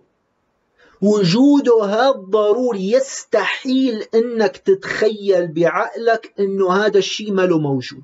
مما كان هذا الشيء وين ما كان كيف ما دورت حتوصل وتصطدم بوجوده. لهذا الشيء اللي هو واجب وجود بذاته. من شان هيك هو واجب وجود بذاته لأنه يستحيل تصور عدم وجوده. وبعدين ابن سينا بيتابع بعد هي التفصيل مثل ما عمل من قبل الفارابي بأنه ببلش عم يشرح لك كيف بدنا نعرف صفات الله. إنه هو واحد وإنه هو بسيط وإنه هو خير محض وكمال محض وكل هذه الأشياء وله وجود وليس يعني آه، يتطلب أي شيء ليس له شريك ليس له ند وليس له كذا. فهي المجادلات بتتنقل واحدة وراء الثانية فالمجادلات بكل أسف يعني دائما فيها مصادرة على المطلوب وفيها بس رمي ادعاءات لكن هي مجادلات يعني معروفة ضمن سياق الوجهة الأفلاطونية المحدثة كلياتها. فمثلا يعني تعتمد أفكار على سبيل المثال. أرى لكم فصل في واجب أن في أن واجب الوجود بذاته خير محض. وبيقول فيه وكل واجب الوجود بذاته فإنه خير محض وكمال محض. والخير بالجملة هو ما يتشوقه كل شيء ويتم به وجوده. والشر لا ذات له انتبهوا عليه الجملة. والشر لا ذات له بل هو إما عدم جوهر أو عدم صلاح حال الجوهر. فالوجود خيرية وكمال الوجود خيرية الوجود. والوجود الذي لا يقارنه عدم لا عدم جوهر ولا عدم شيء للجوهر بل هو دائم بالفعل فهو خير محض. شفتوا بقى كيف وصل؟ والممكن الوجود بذاته ليس خيرا محضا لأن ذاته بذاته لا يجب له الوجود. حاشرح هي النقطة قبل ما أكمل الفقرة هون عم يتبع الفكرة اللي بتقول إنه أخي الشر ما له ذات بنفسه. ما في شيء اسمه شر في شيء اسمه خير والشر هو غياب وجود هذا الخير. تمام؟ ما في شيء اسمه قبح القبح هو غياب وجود الجمال. ما في شيء اسمه بخل البخل هو غياب وجود الكرم إلى آخره. الفكرة أفلاطينية. ف هون عم يقول لك عم يمسك هي النقطة أخذها كمسلمة سلخك إياها قال لك الشر لا ذات له بل هو إما عدم جوهر أو عدم صلاح حال الجوهر فالوجود خيرية وكمال الوجود خيرية الوجود. والوجود الذي لا يقارنه عدم لا عدم جوهر ولا عدم شيء للجوهر بل هو دائم بالفعل فهو خير محض.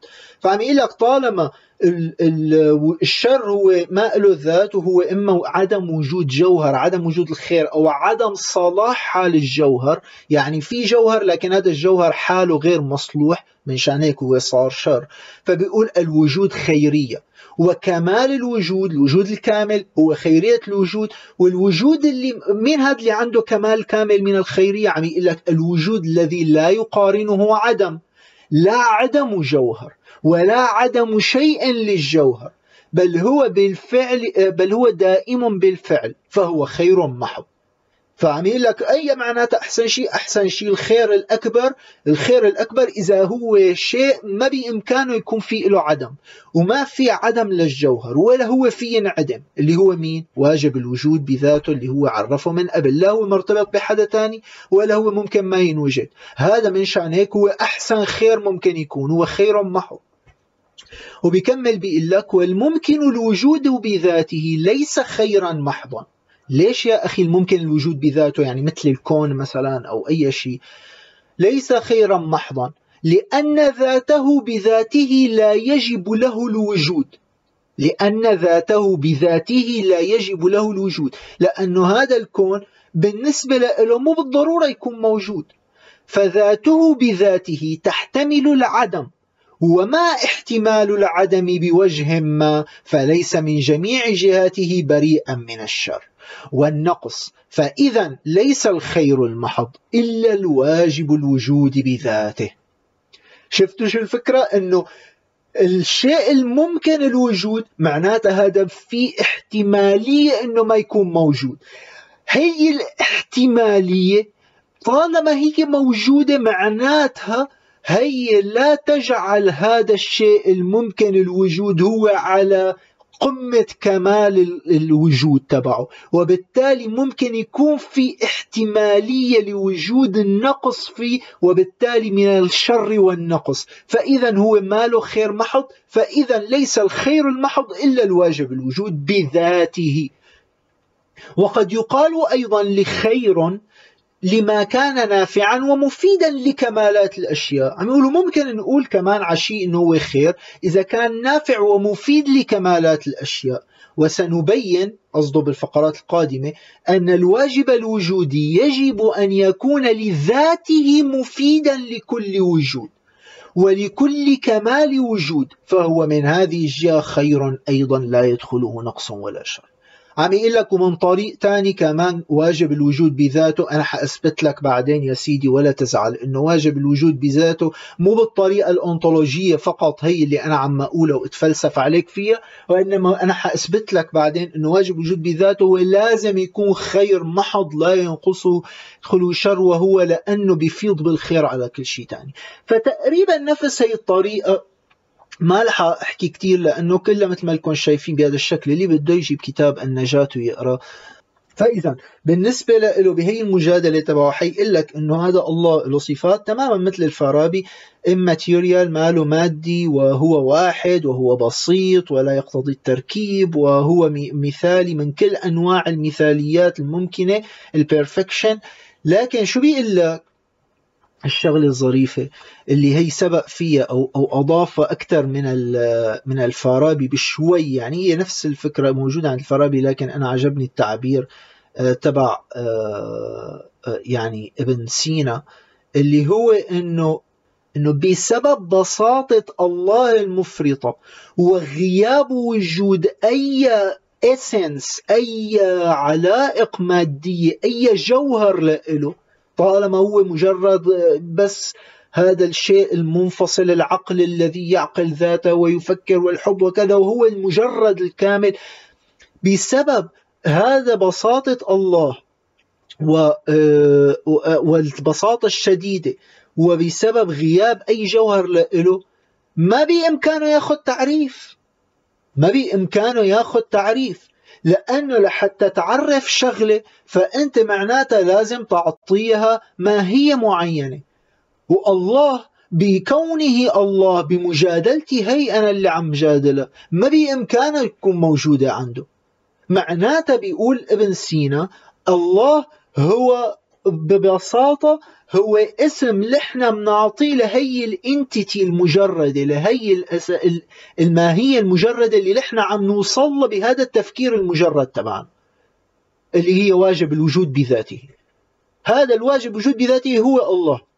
فأنا عم يقول أنا ما فيني أقول شو هو الله وإنما أنا بإمكاني أقول شو هو اللي م... شو هو اللي مو الله. أنا بإمكاني أقول ما هي الصفات التي ليست الله بمعنى هو ليس مادي هو ليس في زمان هو ليس في مكان هو لا يحول عليه شيء هو لا يوجد له شريك هو آه هو ليس كذا هو إلى آخره.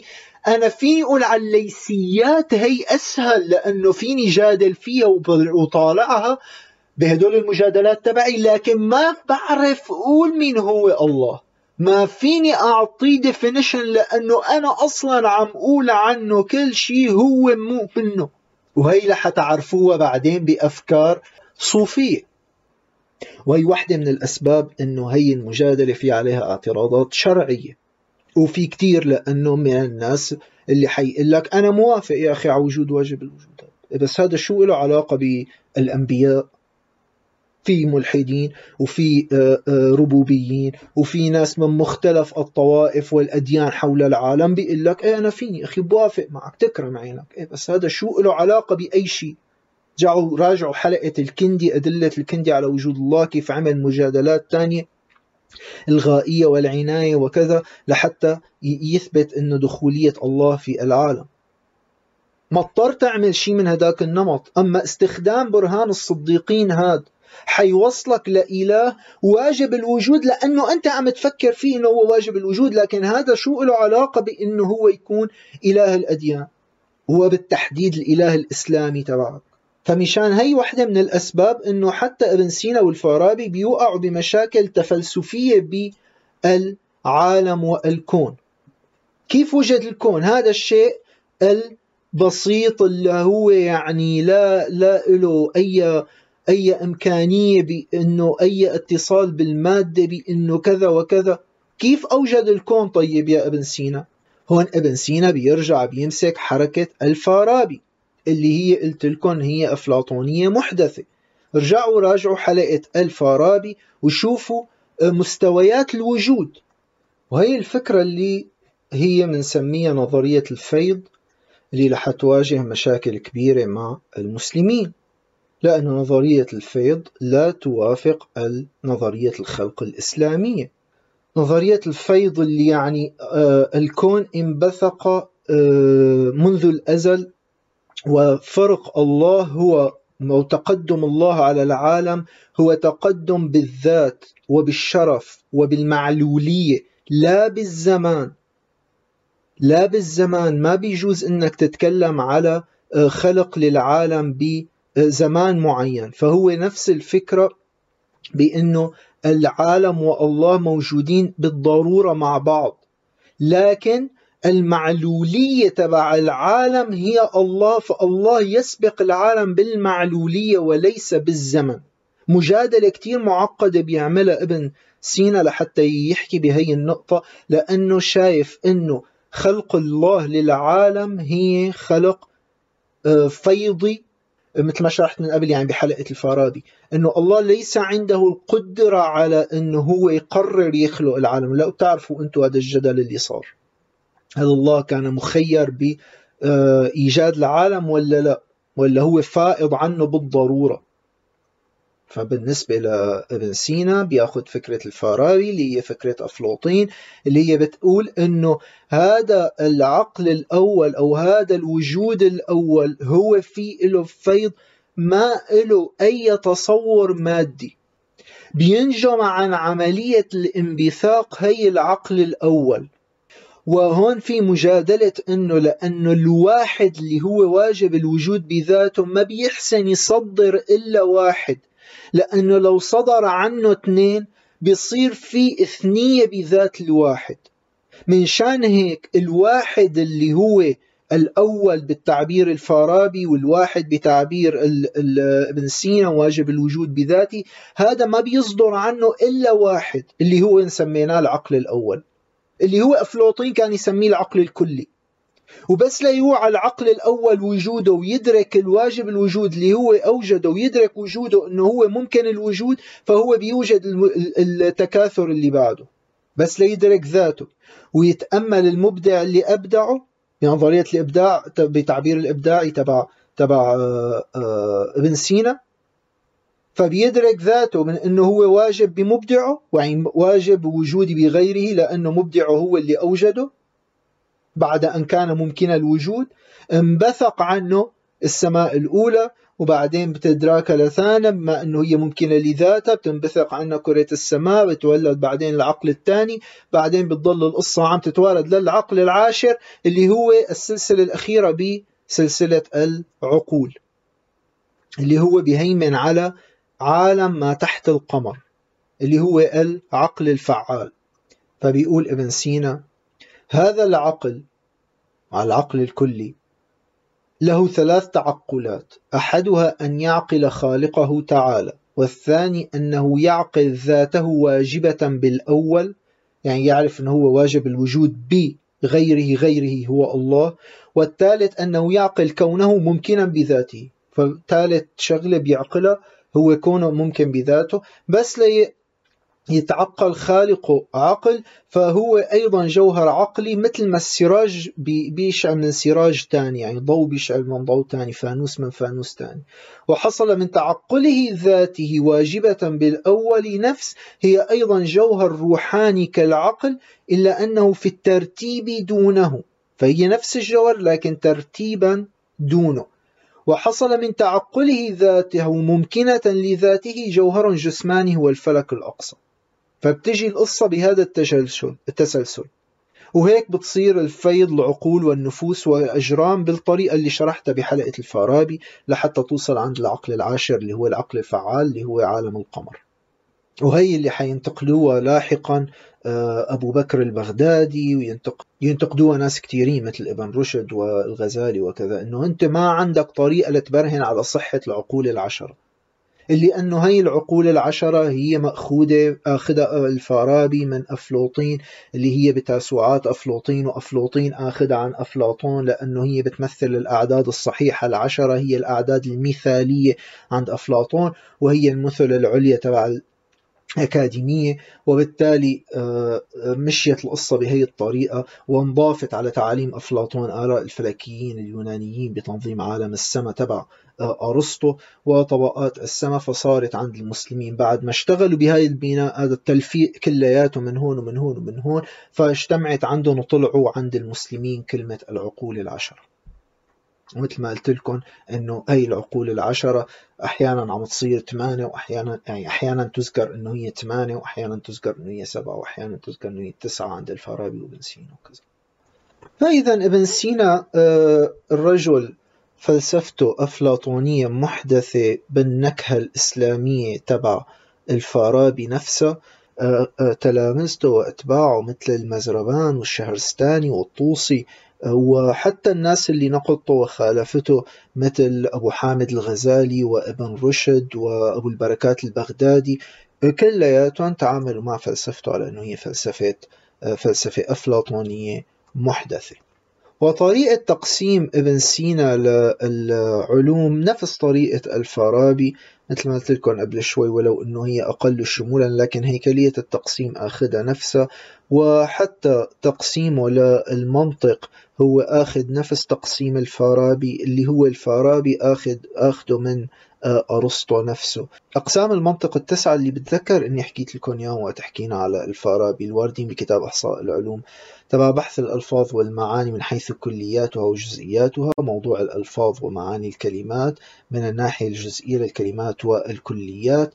بحث المقولات العشر العشر مقولات اللي هن الجوهر والكم والإضافة والكيف والأين ومتى والوضع والملك والانفعال والفعل اللي هي أرسطو شارحها بكتاب آه، قاتيغورياس والبحث اللي بيبحث كيف نتأكد من صحة العبارات أنها كاذبة أو صادقة آه، اللي أرسطو شارحها بكتاب باري أرمينياس. وبحث بالقياس اللي هو كتاب أنالوطيقيا تبع أرسطو وبحث بكيفية تأليف المقدمات اللي إلى نتائج يقينية آه، واللي موجودة شارحها بأرسطو بكتاب البرهان أنالوطوقيا الثاني.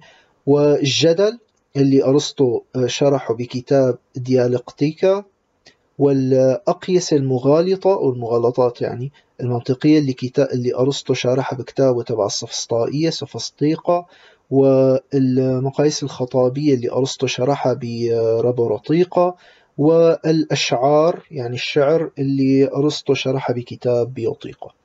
فهي الأقسام المنطق التسعة اللي موجودة عند أرسطو وموجودة عند ابن سي... آه، الفارابي بعدين وبعدين ابن سينا نفسه كمان آه، وشرح يعني طبعا المنطق بمقدمة كتاب الشفاء بلش يشرح ليش هو المنطق مهم وكذا.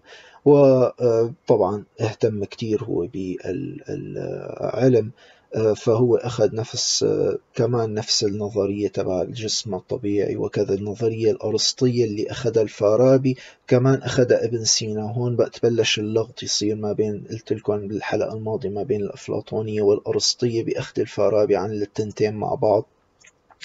نفسها أخذها ابن سينا والمادة آه، بنسميها الهيولة والصورة اللي هي موجودة فيها بالفعل بتصير موضوعة وإلى آخره. وأمور الحركة والسكون ولواحق الحركة والزمان نفس الأمور تبع تبع أرسطو وتبع الفارابي. فحكيت لكم على موضوع الزمان عند أرسطو وقت كنا عم نحكي على الكندي آه إنه أرسطو بيقول الزمان متعلق بالحركة هو عداد الحركة فبيحسب شيء متقدم على شيء فبحسب كيف بيتحركوا وبالتالي شغلة بتسبق شغلة آه لكن إذا ما في حركة لا يوجد زمان. والزمان يعني هو ما له حدوث زمني وإنما له حدوث إبداع. ما في شيء بيتقدم على على الزمن. ما في شيء بيسبق الزمن ولا في شيء بيجي بعد الزمن حتى من ناحية من عند عند أرسطو. ف والحركة بما إنه الزمان ما له محدث زمنيا فما فيك تقول على شيء هو قبل الزمن. والحركة كمان ما له محدث حدوث زمني بل حدوث إبداعي. فما فيك تحكي على تقدم زماني على الحركة قبل الحركة اللي هي مرتبطة الزمان فهون ابن سينا بيدلل على موضوع قدم العالم وحدوثه فبيحكي على قصة أنه تقدم المحدث بيكون بالذات لا بالمادة ولا بالزمان. فهون في عنده مجادلة معدة شوي نوعا ما يعني بموضوع آه، إنه التقدم تبع الله إنه الله سابق على العالم مو الله سابق على العالم زمانيا ولا الله سابق على العالم مكاني وإنما في فرق بالرتبة ما بيناتهم. وابن سينا بيرتب للنفوس آه، إلى مراتب مختلفة بحسب نفس ترتيب أرسطو ونفس ترتيب الفارابي يعني مراتب الحياة الثلاثة النبات والحيوان والإنسان. وبتتدرج هي القوى النفس من الأدنى من أدنى صور الحياة إلى أرقى صورها والنفس عند النباتات إلى قوى ثلاثة الغاذية والمنمية والمولدة. والنفس الحيوانية عند القوى الثلاثة تبع النفس النباتية الغاذية والمنمية والمولدة. ففي عندها كمان حرك آه، نفس محركة ومدركة.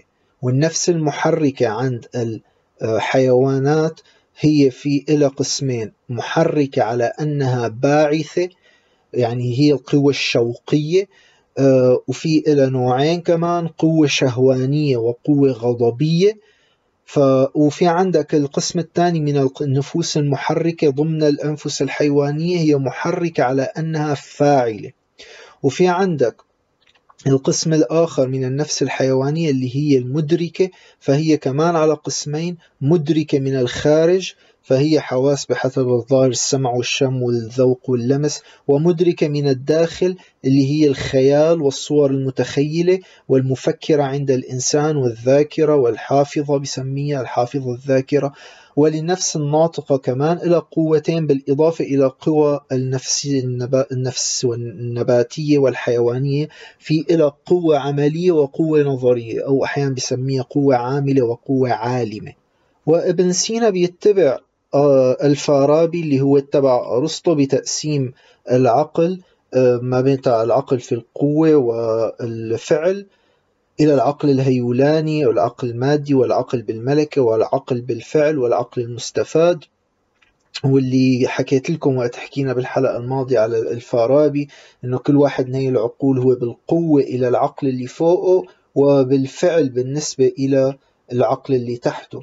وما بيتم الانتقال من القوة إلى الفعل بحسب نظرية أرسطو بالقوة والفعل إلا بواسطة عقل هو دائما عقل بالفعل اللي هو العقل الفعال اللي هو العقل تبع العاشر بالعقول السماوية. حكيت لكم هاي التفاصيل كلها بحلقة الفارابي ف ما بعرف ممكن ما أحكيها هلأ. أو ممكن أرجع عليها بعد شوي بس خلوني كمل القوى المدركة عند ابن سينا مشان كمل الفكرة.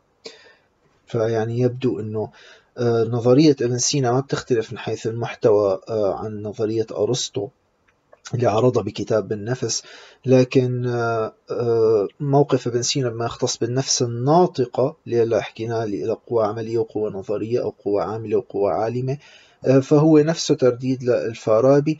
رح نضيف عليهم لأنه بعد أوكي رح أشرح لكم إياهم لأنه بدي أضيف عليهم العقل الجديد اللي هو شرح فيه موضوع النبوة. هي إضافة لابن سينا حنحكيها لكن خلوني لكم على موضوع القوى المدركة. فابن سينا بيعرف بالكتاب مباحثات الإدراك بأنه تحصيل ما لصورة الشيء وحقيقته على نحو من جزئيته أو كليته. يعني إنك أنت تحصل تحصيل ما لصورة الشيء وحقيقته على نحو من جزئيته أو كليته. فالإدراك الحسي اللي هو يعني تمثل صورة المحسوس بالحواس آه، أما الإدراك العقلي فهو تمثل لصورة المعقولات بالعقل. فإذا عندي نوعين من الإدراك حسي وعقلي. والإدراك الحسي كمان له نوعين ظاهر وباطن. أما الإدراك العقلي كلياته باطن. هي في شجرة عند آه، ابن آه، سينا. الإدراك الحسي الظاهر آه، ابن سينا بيحكي نفس فكرة أرسطو ونفس فكرة الفارابي باستعراضه للحواس الخمسة اللي هي السمع عفوا اللمس والذوق والشم والسمع والبصر. وبيرتبها من البسيط للمركب مثل الفارابي وابن سينا اللمس هو أولى أو أبسطها وآخرها هو أو أعقدها هو البصر وهو أعلاها وأرقاها. وبعدين بيتم إدراك الحواس آه، عن طريقة بالمحسوسات كمان بيستعمل نفس المبدأ اللي وضعه أرسطو. أرسطو أخذه كان عن الطبيعيين السابقين على سقراط موضوع أنه الشبيه يدرك الشبه. أو الشبيه يدرك الشبيه فما حأحكي كتير بهي التفاصيل لأنه ما كتير مهمة أنا برأيي. موضوع كيف ندرك والأشباه وكذا. لكن ممكن لكم على موضوع آه، المحسوسات عند أرسطو. المحسوسات عند أرسطو على ثلاث أنواع. نوعين بندركهم بالذات ونوع بندركه بالعرض. النوع اللي بندركه بالذات هو آه، آه، محسوس خاص بكل حاسة يعني مثل الشيء الملموس بالنسبة لللمس أو الشيء المسموع بالنسبة للسمع أو الشيء المرئي بالنسبة للبصر وهكذا. والنوع الثاني من المحسوسات هو المحسوس المشترك بين الحواس فالشيء اللي أنت ممكن تحس فيه مثل نوع الحركة السكون عدد الأشياء شكل الأشياء حجم الأشياء مقدارها هذا ما له علاقة باللمس والبصر لأنه ممكن يتعلق بالأشياء من حيث هي أشياء. النوع الثالث من المحسوس هو المحسوس بالعرض.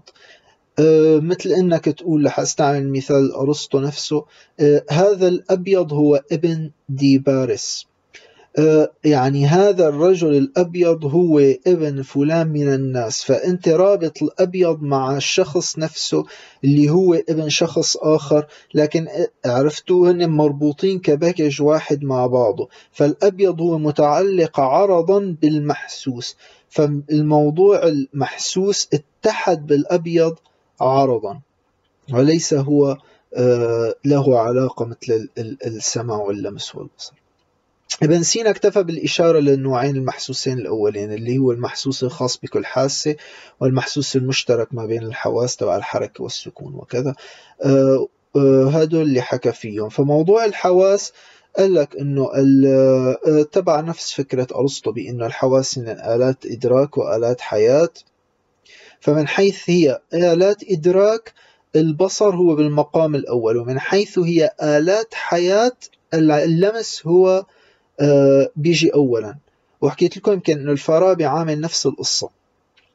فإذا الحواس منرتبة من اللمس إلى البصر بحسب منفعتها يعني من حيث هي آلات حياة قبل ما تصير بعدين آلات إدراك. فاللمس هو أهم شيء بالنسبة لأرسط ل... ل... ل... أو هو البيزك تبع آه، ابن سينا وتبع أرسطو اللي هو أول الحواس من حيث كونه آلة حياة. لأنه بيقول لك عضو اللمس هو اللحم العصبي أو اللحم والعصب والمواضع اللمس هي منتشرة بالبدن كلياته واللمس يتم من دون أي آه، آه، آه، يعني وجود أي وسيط. بحسب تعبير ابن سينا واللمس هو بسيط هو ضروري لبقاء الحيوان لأنه مزاج الحيوان مركب مركب من الكيفيات الأربعة الأولية للمادة اللي هي الحرارة والبرودة والرطوبة واليبوسة وهي مدركات اللمس. أما باقي الحواس الأخرى فمدركاتها لا تتعلق ببقاء الحياة وبالتالي ضرورتها أقل من ضرورة اللمس. الذوق هو نوع من اللمس لكن بيختلف عن اللمس بأنه هو يحتاج إلى وسط أو وسيط اللي هو اللعاب الرطوبة تبع اللعاب. والشم يحتاج إلى وسط اللي هو الهواء اللي بيحمل الروائح والأبخرة. والصوت كمان هو بينتج عن حركة عنيفة ما بين القارع والمقروع وإلى آخره وبيشرح كيف بيشتغل الصوت في الأذن وكذا. لكن هو ماله شايفين الترتيب تبعهم ماله بأهمية البصر اللمس والذوق وكذا. بيجي البصر آخر الحواس من ناحية الترتيب بيشرح بيعرفوا بأنه كيف ينفعل عن الألوان. هو مرآة يتشبح فيها خيال المبصر ما دام يحاذيه وعضو البصر هو ملتقى العصبين البصريين فالمحسوس الأول للبصر هو اللون فإذا ما في ضوء بيمتنع الإبساط الإبصار عن الرؤية فالنور هو واسطة الإبصار اللي بيحسن فيها شوفه يعني باختصار هذا موضوع الحواس. الإدراك الحسي الباطن هو بيصير عن طريق الحس المشترك اللي هي موجودة بالدماغ وعندنا موضوع الخيال والحفظ والأحلام والوهم. فبيشرح كل هي التفاصيل والذاكرة وكذا. فبيحكي إنه هي كلياتها قوى إدراك مشتركة ما بين الإنسان والحيوان. أنا اللي بدي اوصل له وين بدي أرجع لموضوع العقول والإدراك العقلي. لأنه بيقول ابن سينا بعد هذا الكلام كله حكينا النبات والحيوان والمشترك بيناتهم الإنسان عنده بالإضافة لهدول عنده قوى أخرى للإدراك العقلي اللي هي تتم عن طريق شو يا حذركم قوى النفس الناطقة اللي قلت لكم آخر شيء يتميز بها الإنسان. وقلت لكم إنه هي آه، لها نوعين عالمة وعالمة. يعني في عقل علمي وعقل نظري. العقل العلمي هو آه، بيعمل بتوجيه من العقل النظري. العقل النظري هو آه، نوع من القوة غير المادية. العقل مو يعني الدماغ. يعني بالنسبة له العقل النظري هو نوع من القوة غير المادية اللي بتحسن تحصل على المعقولات يعني الكليات والمجردات بتجريدة من المادة. وبالتالي أنا بنظر إلى شجرة فبعرف أنه هي شجرة. الشجرة مو نفسها دخلت براسي وإنما أنا في عندي عقل نظري حسن يفهم أنه هي شجرة اللي أنا شايفها. وهو بيعطي أمر للعقل العملي لحتى يخليني أقول كلمة شجرة أو يخليني أطلع ونطفئ الشجرة أو whatever أي شيء. ف والعقل النظري آه، بيساعد كمان على الاستدلال المنظ... آه، الاستدلال المنطقي على المنطق بحسب آه، ابن سينا في الشفاء بكتاب الشفاء والعقل قبل ما يدرك المعقولات يعني قبل ما يدرك الشجرة بيكون عقل بالقوة. هو شو بيكون؟ عقل بالقوة. يعني عنده القدرة على أنه يعقل. وبيصير بعدين عقل بالفعل بتأثير عقل تاني بتكون عنده مبادئ الصور العقلية مجردة عن المادة. وبتكون هي بالنسبة لهذا العقل مثل الشمس بالنسبة لأبصارنا. حكيت هذا المثال عند الفارابي. أو مثل الضوء بالنسبة للإبصار مثل ما قلت لكم قبل شوي مثال الإبصار. إنه الألوان لكن أنت محتاج للضوء يكون هو الوسيط. فنفس الشيء العقل. أنت محتاج لهذاك العقل لحتى يخليك تشوف. فإن القوة العقلية بحسب ابن سينا إن القوة العقلية إذا اطلعت على الجزئيات التي في الخيال وأشرق عليها نور العقل الفعال فينا استحالت مجردة عن المادة وعلاقتها وانطبعت في النفس الناطقة وهذا يعني أن مطالعتها تعد النفس لأن يفيض عليها المجرد من العقل الفعال. تمام؟ فأنت بحاجة للعقل الفعال يكون يكون هو المجرد موجود ويتواصل معك العقل تبعك اللي هو عقل بالقوة. فمراتب العقل النظري هذه أربع مراتب. هي العقل الهيولاني أو العقل المادي وبيجي أعلى منه مثل ما قلت قبل شوي العقل بالملكة بعدين بيجي أعلى منه العقل بالفعل بعدين العقل المستفاد. آخر واحد. العقل الهيولاني هو مجرد وجود القوة المطلقة أو الاستعداد المحض اللي هو موجود عند كل الناس. اللي هو موجود بالقوة العقل بالقوة عند كل الناس موجود.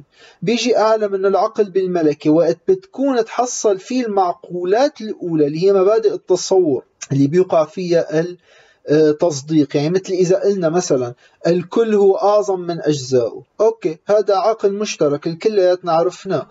آه، أو قلنا المستقيم هو أقصر مسافة ما بين نقطتين. نفس الشيء عقل فيك توصله بالملكة اللي أعلى منه شرحت الموضوع بالتفصيل بحلقة الفارابي فمشان هيك عم بمرق عليهم بالسريع أعلى من العقل بالفعل اللي هو بتحصل فيه المعقولات اللي بتستند فيها حصولها على شو؟ على المعقولات الأولى بمراجعة العقل بالملكة أخيرا عندك العقل المستفاد وهو كمال العقل بالفعل فهذا بيكون بعد ما المعقولات عقلت في العقل بالفعل صار اسمه شو؟ عقل مستفاد استفاد منه وتكون فيه المعقولات حاضرة بالفعل يطالعها ويعقلها بالفعل ويعقل أنه يعقلها. فبيكون بيعرف الأشياء وحسنان يعقلها أنه هي موجودة عنده وبيعرف أنه هو بيعرفها.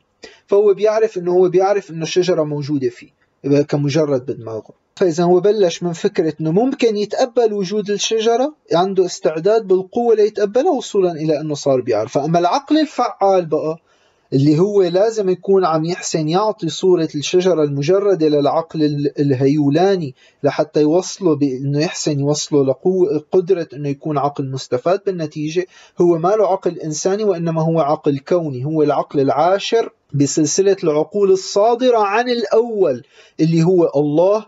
آه، بيقوم إذا العقل الفعال هو العقل العاشر بهي السلسلة. هو بالنسبة لنا مثل الشمس بالنسبة للضوء فهي مثل ما الشمس بتضوي الأشياء لحتى تساويها مرئية نحسن نشوفها فكمان العقل الفعال بيضوي على نفوسنا فبيخرج العقل الهيولاني من القوة إلى الفعل فبيصير عنا العقل بالملكة وبيستمر تدخل العقل الفعال بعملية التعقل حتى تصير المعقولات حاضرة في العقل الفعال. فالعقل الفعال هو مثل همزة الوصل ما بين الإنسان وعالم العقول العليا وهو أساس أي إدراك عقلي وعن طريقه بتحسن أنت تعرف الغيب. لهون كل الأمور ماشية مع الفارابي ومع آه، الفارابي اللي شرحناه من قبل. لكن هون بيضيف ابن سينا مرحلة إضافية لمراتب الإدراك هي مرحلة الحدث أو العقل القدسي واللي هو بتعبير ابن سينا هو عبارة عن استعداد قد يشتد في بعض الناس حتى لا يحتاج في أن يتصل بالعقل الفعال إلى شيء كبير وإلى تخريج وتعليم.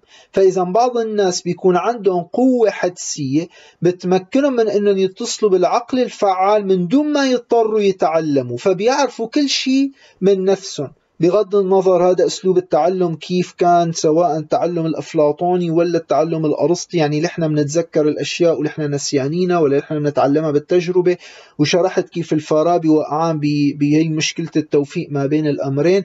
لكن بالنسبة لهي النقطة هم بغض النظر كيف آه بالنسبة ل ابن سينا يبدو أنه هو ما أخذ النظرة الأفلاطونية أو النظرة الأفلاطينية وليس النظرة الأرسطية لأنه أنت بإمكانك هدول الناس عندهم قدرة بغض النظر عن كيف هدول الناس عندهم قدرة لأنهم يتصلوا اتصال روحاني مع العقل الفعال من دون ما يعرفوا يتعلموا أي شيء. فهون هي الحالة من هذا العقل الهيولاني تسمى عقل قدسي. نوع من العقل بالملكة لكن أرفع منه ما بيشتركوا فيه كل الناس. فقد يكون الشخص يقول ابن سينا بكتاب النجاة فقد يكون الشخص من الناس مؤيد النفس بشدة الصفاء وشدة الاتصال بالمبادئ العقلية إلى أن يشتعل حدسا أعني قبولا لإلهام العقل الفعال في كل شيء فترتسم فيه الصور التي في العقل الفعال. وهذا ضرب من النبوة بل أعلى قوة النبوة. والأولى أن تسمى هذه القوة قوة قدسية وهي أعلى مراتب القوة الإنسانية.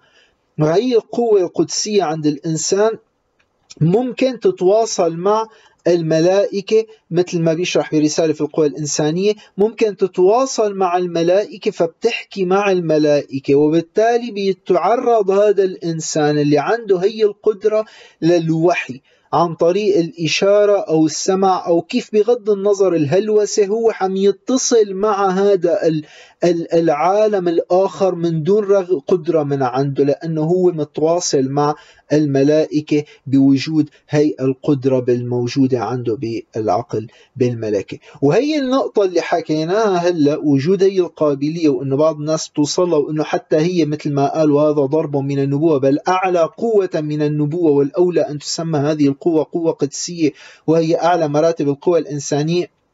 هي اللي رح يتصير يستعملوها البعض مثل السهروردي لاحقا بإنهم يقولوا إنه الولي أعلى درجة من النبي ويعني الإشراقيين رح يعتمدوا هي النقطة وهي بيقولوا إنه يعني الناس اللي بتقول على ابن سينا إنه هو متصوف بيعتمدوا هي النقطة. ف آه، هي فكرة إضافية اضافها ابن سينا.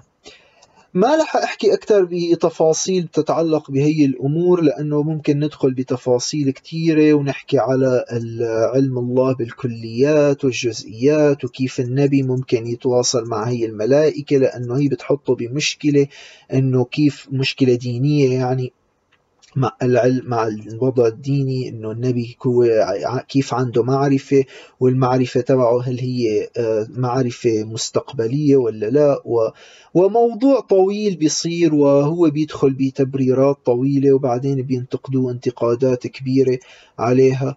لكن ما حأدخل هلأ بتفاصيل كثيره لأنه آه، يعني صار لي زمان عم أحكي والحلقة ما بتخلص يعني إذا بدنا نحكي بكل الأمور بصراحة يعني ما بنخلص. لكن المكان اللي وصلنا له بيقودني بشكل طبيعي لأني أختم الحلقة بحديثي عن الأثر التصوفي عند ابن سينا والأعمال اللي آه، فيها نزعه تصوفيه فمنلاقي من بيناتها رسالة الطير آه، رسالة آه، بيبدو إنه هو يعني آخذها من من أفلاطون من قصة أفلاطون قصة الكهف تبع أفلاطون اللي أنا سبق وشارحها من زمان تبع الناس اللي بيكونوا مربطين داخل الكهف وعم يشوفوا ظلال. وواحد منهم بيطلع لبرا لحتى يشوف العالم الخارجي وإلى آخره. بيرجع بيحرر آه، آه، أصدقائه بيحكي لهم عنهم. فبرسالة الطير ابن سينا بيشبه نفوس البشر بجماعة من الطير. يعني هي رسالة قصة رمزية اللي فيها مثل قصة أفلاطون الرمزية فبيشبه ابن سينا نفوس البشر بجماعة من الطيور قعدت ب آه، يعني وقعت بشراك الصيادين والصيادين حطوها بقفص وسكروا عليها لكن هي الطيور آه، يعني ما بترضى تستسلم لهذا المصير وبتضل عم تحاول تهرب فبينجح عدد قليل منا بإنه يفلت رجليه ويطلع من القفص لكن بضل على الآن بقايا الأصفاد يعني بأرجلها. آه، أما الطيور الثانية بتضل قاعدة بالقفص موجودة لكن بتت... بعدين بعد بوقت طويل بتطلع من هذا القفص بمساعدة أصدقاء لإلها وكل هدول الطيور بعدين بيحاولوا يدوروا يهربوا من هذا القفص ويبعدوا عنه وبيحاولوا يتوجهوا إلى آه، قمة اللي هو جبل جبل آه، قمة جبل الله اللي إلى ثمان طبقات. فهون أنا حكيت بالحلقة الماضية على مشكلة إنه طبقات العشرة تبع أفلا تبع الأفلاطين طبقات السماوات العشر وقلت لكم على الفارابي كيف عملها مرة عشرة ومرة ثمانية ومرة تسعة ومرة سبعة وقلت لكم ابن سينا عامل نفس الشيء. فهون ابن سينا قبل شوي قلت لكم على ابن سينا كيف عاملها عشرة. هلأ ابن سينا برسالة الطير قايلة من طبقات؟ لين طبقات السماء. فبيقول لك هون آه، بتطلع هي الروح أو هدول الطيور عفوا بيطلعوا لا بيتجوا لأي قمة اللي لها ثمان طبقات وقت بتوصل للطبقة السابعة آه، بت بتحط يعني بت بتوقف هي الطيور بمراعي خضراء وفي أنهار جارية وكذا يعني مثل الجنة عم يوصفها. آه، لحتى ترتاح لكن بعدين يعني بتحس إنه هي لازم ترجع تكمل فبتتجه نحو الطبقة الثامنة فبالطبقة الثامنة بتلتقي بنوع من الطيور ما شافت مثله من قبل لكن كان آه، لطيف وجميل وكذا. فبيصيروا أصدقاء هدول الطيور اللي الموجودين مع الطيور اللي مسافرين هي الرحلة وهربانين من القفص. وعلقانة بأرجلهم يعني لا يزال بقايا الأصفاد. فبتصير هي الصداقة بتقوى بيناتهم لهدول الطيور. حتى يقبلوا هدول ياخذوهم إلى مدينة الملك الأعظم. فهنيك بس يروحوا لعند مدينة الملك الأعظم بيريحوا بقى يعني بيريحوا يعني من عناء السفر وكذا. لكن أول ما يشوفوا هذا الملك الأعظم فبيفتنوا بجماله والملك بيسمع شكاويهم لهدول الطيور وبكل لطف وحنان بيعطيهم حريتهم الكاملة و بيخل لهم إنه هن يعني يعطيهم الحرية وبيقول لهم أنتم حتسافروا وتضلوا عايشين بسلام وبيكونوا بيرجعوا هن بي بي وهن مبتهجين من هذا الكشف اللي شافوه على هذا الملك العظيم الجميل اللي حررهم من ال الأصفاد اللي كانت علقانة لسه برجليهم وأعطاهم الحرية وما عاد يحسنوا يرجعوا يعيشوا بوادي الأحزان اللي كانوا جايين منه. في له رسالة فشايفين قصة رمزية صوفية تماما وبتشبه قصة أفلاطون تبع الكهف. في له كمان قصيدة النفس قصيدة النفس اسمها بنلاقي آه، فيها آه، أثر تأثير واضح لمحاولة آه، فيدون تبع أفلاطون كمان. بنلاقي فيها تأثير يعني كوبي عن محاورة فيدون اللي بيحكي فيها عن هبوط النفس إلى الخراب وتحريره كمان من أسر الأجساد عن طريق المعرفة بتتحرر عن طريق المعرفة. في له كمان بما أني عم بحكي على الأمور الصوفية في له رسالة العشق آه، بيحكي فيها عن موضوع الحب. عند المتصوفة موضوع العشق اللي بتعرفوه بنظام أفلاطوني أساسي آه، جعل آه، رسالة العشق بسبع فصول على ما يبدو يعني بيشبه نظام الرمزية الأفلاطونية. آه، ثلاث فصول الثلاثة الأولى بتحكي عن طبيعة العشق العامة بالموجودات على اعتبار أن العشق هو الحافز إلى السعي وراء الخير والحفاظ عليه وإلى نبذ العدم والوجود المادي بأي ثمن. فنحن حتى بأدنى درجات الوجود المادي منصادف حافز غريزي ما فينا نميزه عن العشق ما فينا نفصله عن العشق هو السبب بيروزه إلى حيز الوجود. وهذا الحافز بيتجلى بالمادة الأولى من خلال سعيه وراء الصورة وحرصها على اكتسابها. المادة وتتحول إلى الصورة الهيولة المادة وتتحد مع الصورة. كمان شوفوا حلقة الفارابي شرحت فيها موضوع الصورة اللي هي نفس الفكرة القديمة. صورة الإنسان صورة الشجرة إلى آخره والمادة التي تكونها. فمن شان هيك بيقول حالما تنفصل المادة عن الصورة فبتبدأ فورا هي المادة باكتساب صورة أخرى تفاديا لشقاء العدم اللي بيهدد آه، كيان المادة. فعشق المادة لأنها تكون موجودة في صور. ف آه، هلأ هي المادة موجودة في شجرة. لكن وقت أنا قطعت الشجرة فساويت هي المادة موجودة في كرسي أو في قطعة خشب وقطعة الخشب ممكن سويناها صارت نشارة خشب نشارة خشب حطيناها بمكان كذا. فدائما هي عم تتحول من مادة من نوع إلى آخر أو الماء بيغلي يتحول إلى بخار. ففي أي نوع لو تغير الفورم فالمادة آه، مادة بتضل عم تحاول تتحول من صورة إلى صورة أخرى. ما بتضل مادة مجردة عن الصور بمعنى آخر لاختصر الفكرة.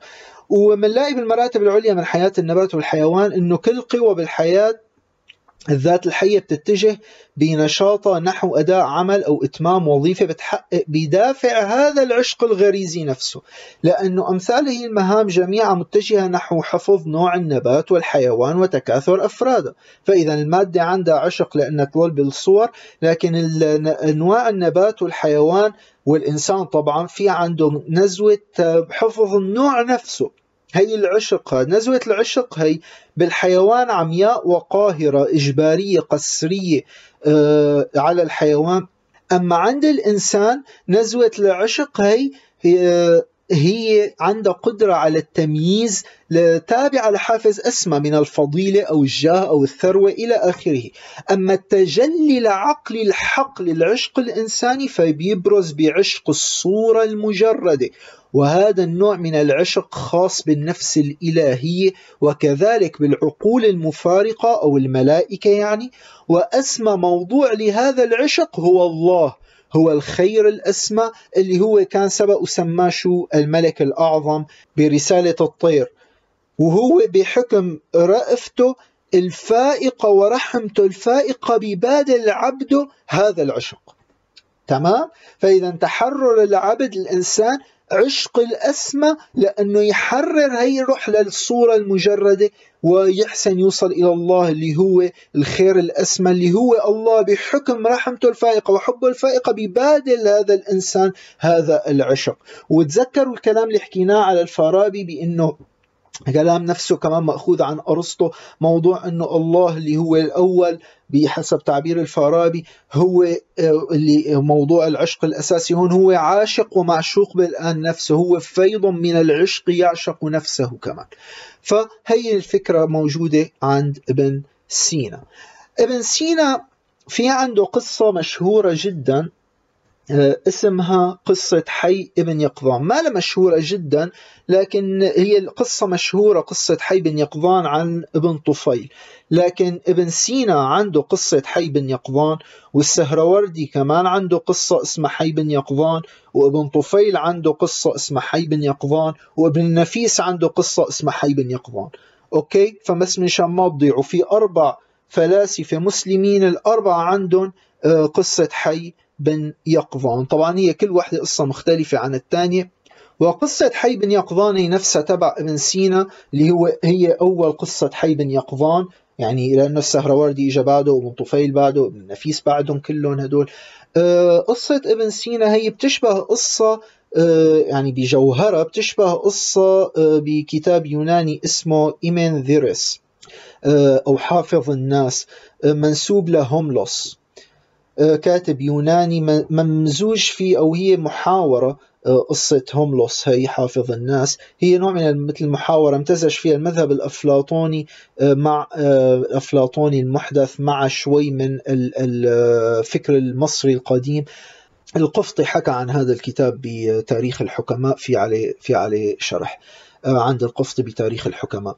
آه، ما علينا لكن قصة حي بن يقظان عند ابن سينا آه، إنه في ناس كانوا طالعين عم يتنزهوا فشافوا شيخ يعني جميل لطيف. هذا الشيخ عم اسمه حي بن يقظان وكان هذا الشيخ هو عم يعني يسافر بالأرض لأنه أبوه كان قايل له عم يعطيه وصية إنه لازم يسافر بالأرض ويتخلص من ملذات الجسد البالية ويتجه نحو المصدر الأقصى للجمال وكذا. فهدول هو بيرمز بهذا الشيخ يعني إلى العقل والتجارب اللي اكتسبها من السنين ومن هي الرحلات اللي بيسافر فيها. وهدول الناس اللي شافوا لهذا الشيخ وبلشوا يعني يحكوا معه وكذا هن الشهوات والغرائز والغضب والملكات الإنسانية الأخرى. والمجادلة بين هي الرفق أو التحدث لحي بن يقظان هي المجادلات اللي بتصير ما بين غرائز الإنسان وشهواته وضميره وعقله. بيقول العقل أو حي بن يقظان إنه هي الرفقة اللي هي اللي بتصحب الإنسان من ملكاته وشهوات وكذا هي رفقة سوء وبيحكي على علم الفراسة وعلم المنطق يعني بيقصد في علم الفراسة اللي هو فيك تعرف المخفيات ومجاهيل الأمور من أحوالها الظاهرة. وبيناقش فيه كثير بهذا الموضوع بي يعني نوع تصوفي عقلاني قصة رمزية. أما حي بن يقظان عند أبن طفيل وكذا قصة مختلفة تماما. هو كمان العقل لكن هو على نمط ثاني يعني بناها على على تجربة أنه في ولد بينشأ بجزيرة. بس لأحكي لكم على أبن طفيل بحكي لكم القصة تبع حي بن يقظان هديك أنه ولد بينشأ بجزيرة ونائية وبيعيش لوحده من بتربيه ظبية وبيتعلم لوحده. ليورجيك أنه أنت بتوصل للمعرفة معرفة الإله وصفات الإله. بطريق تصوفي عقلاني محض وبيشابه تماما المعرفة الدينية. فما في فرق ما بين هدول الأمرين سوا. ما بعرف سبب هالتطابق هي التسميات كلياتها ليش كله سمى حي بن يقظان؟ هل هو الاسم العربي اللي بيوحي فيه يعني آه، ترجمة حي بن يقظان؟ لأنه بالمراجع الأجنبية بيترجموها حرفيا alive son of awake آه، بالإنجليزي طبعا يعني. Alive son of awake حي يقظان.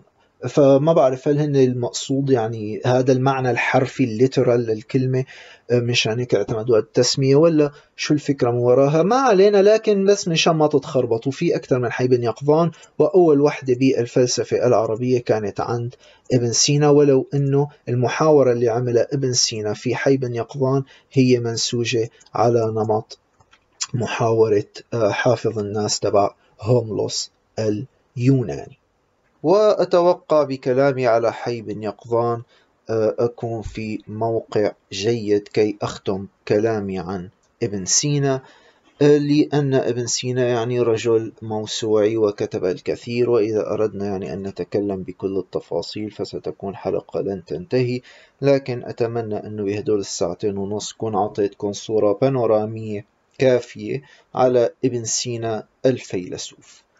آه، إذا عم تعجبكم هاي الفيديوهات أتمنى تعملوا لايك للفيديو مشان يعني تساعدوا بأنه آه، يظهر باليوتيوب.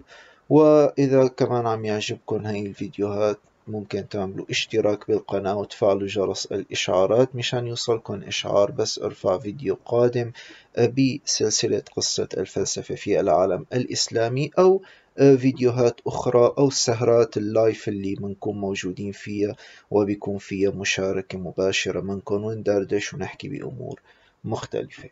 حتى ذلك الحين أتمنى لكم أطيب الأوقات. إلى اللقاء.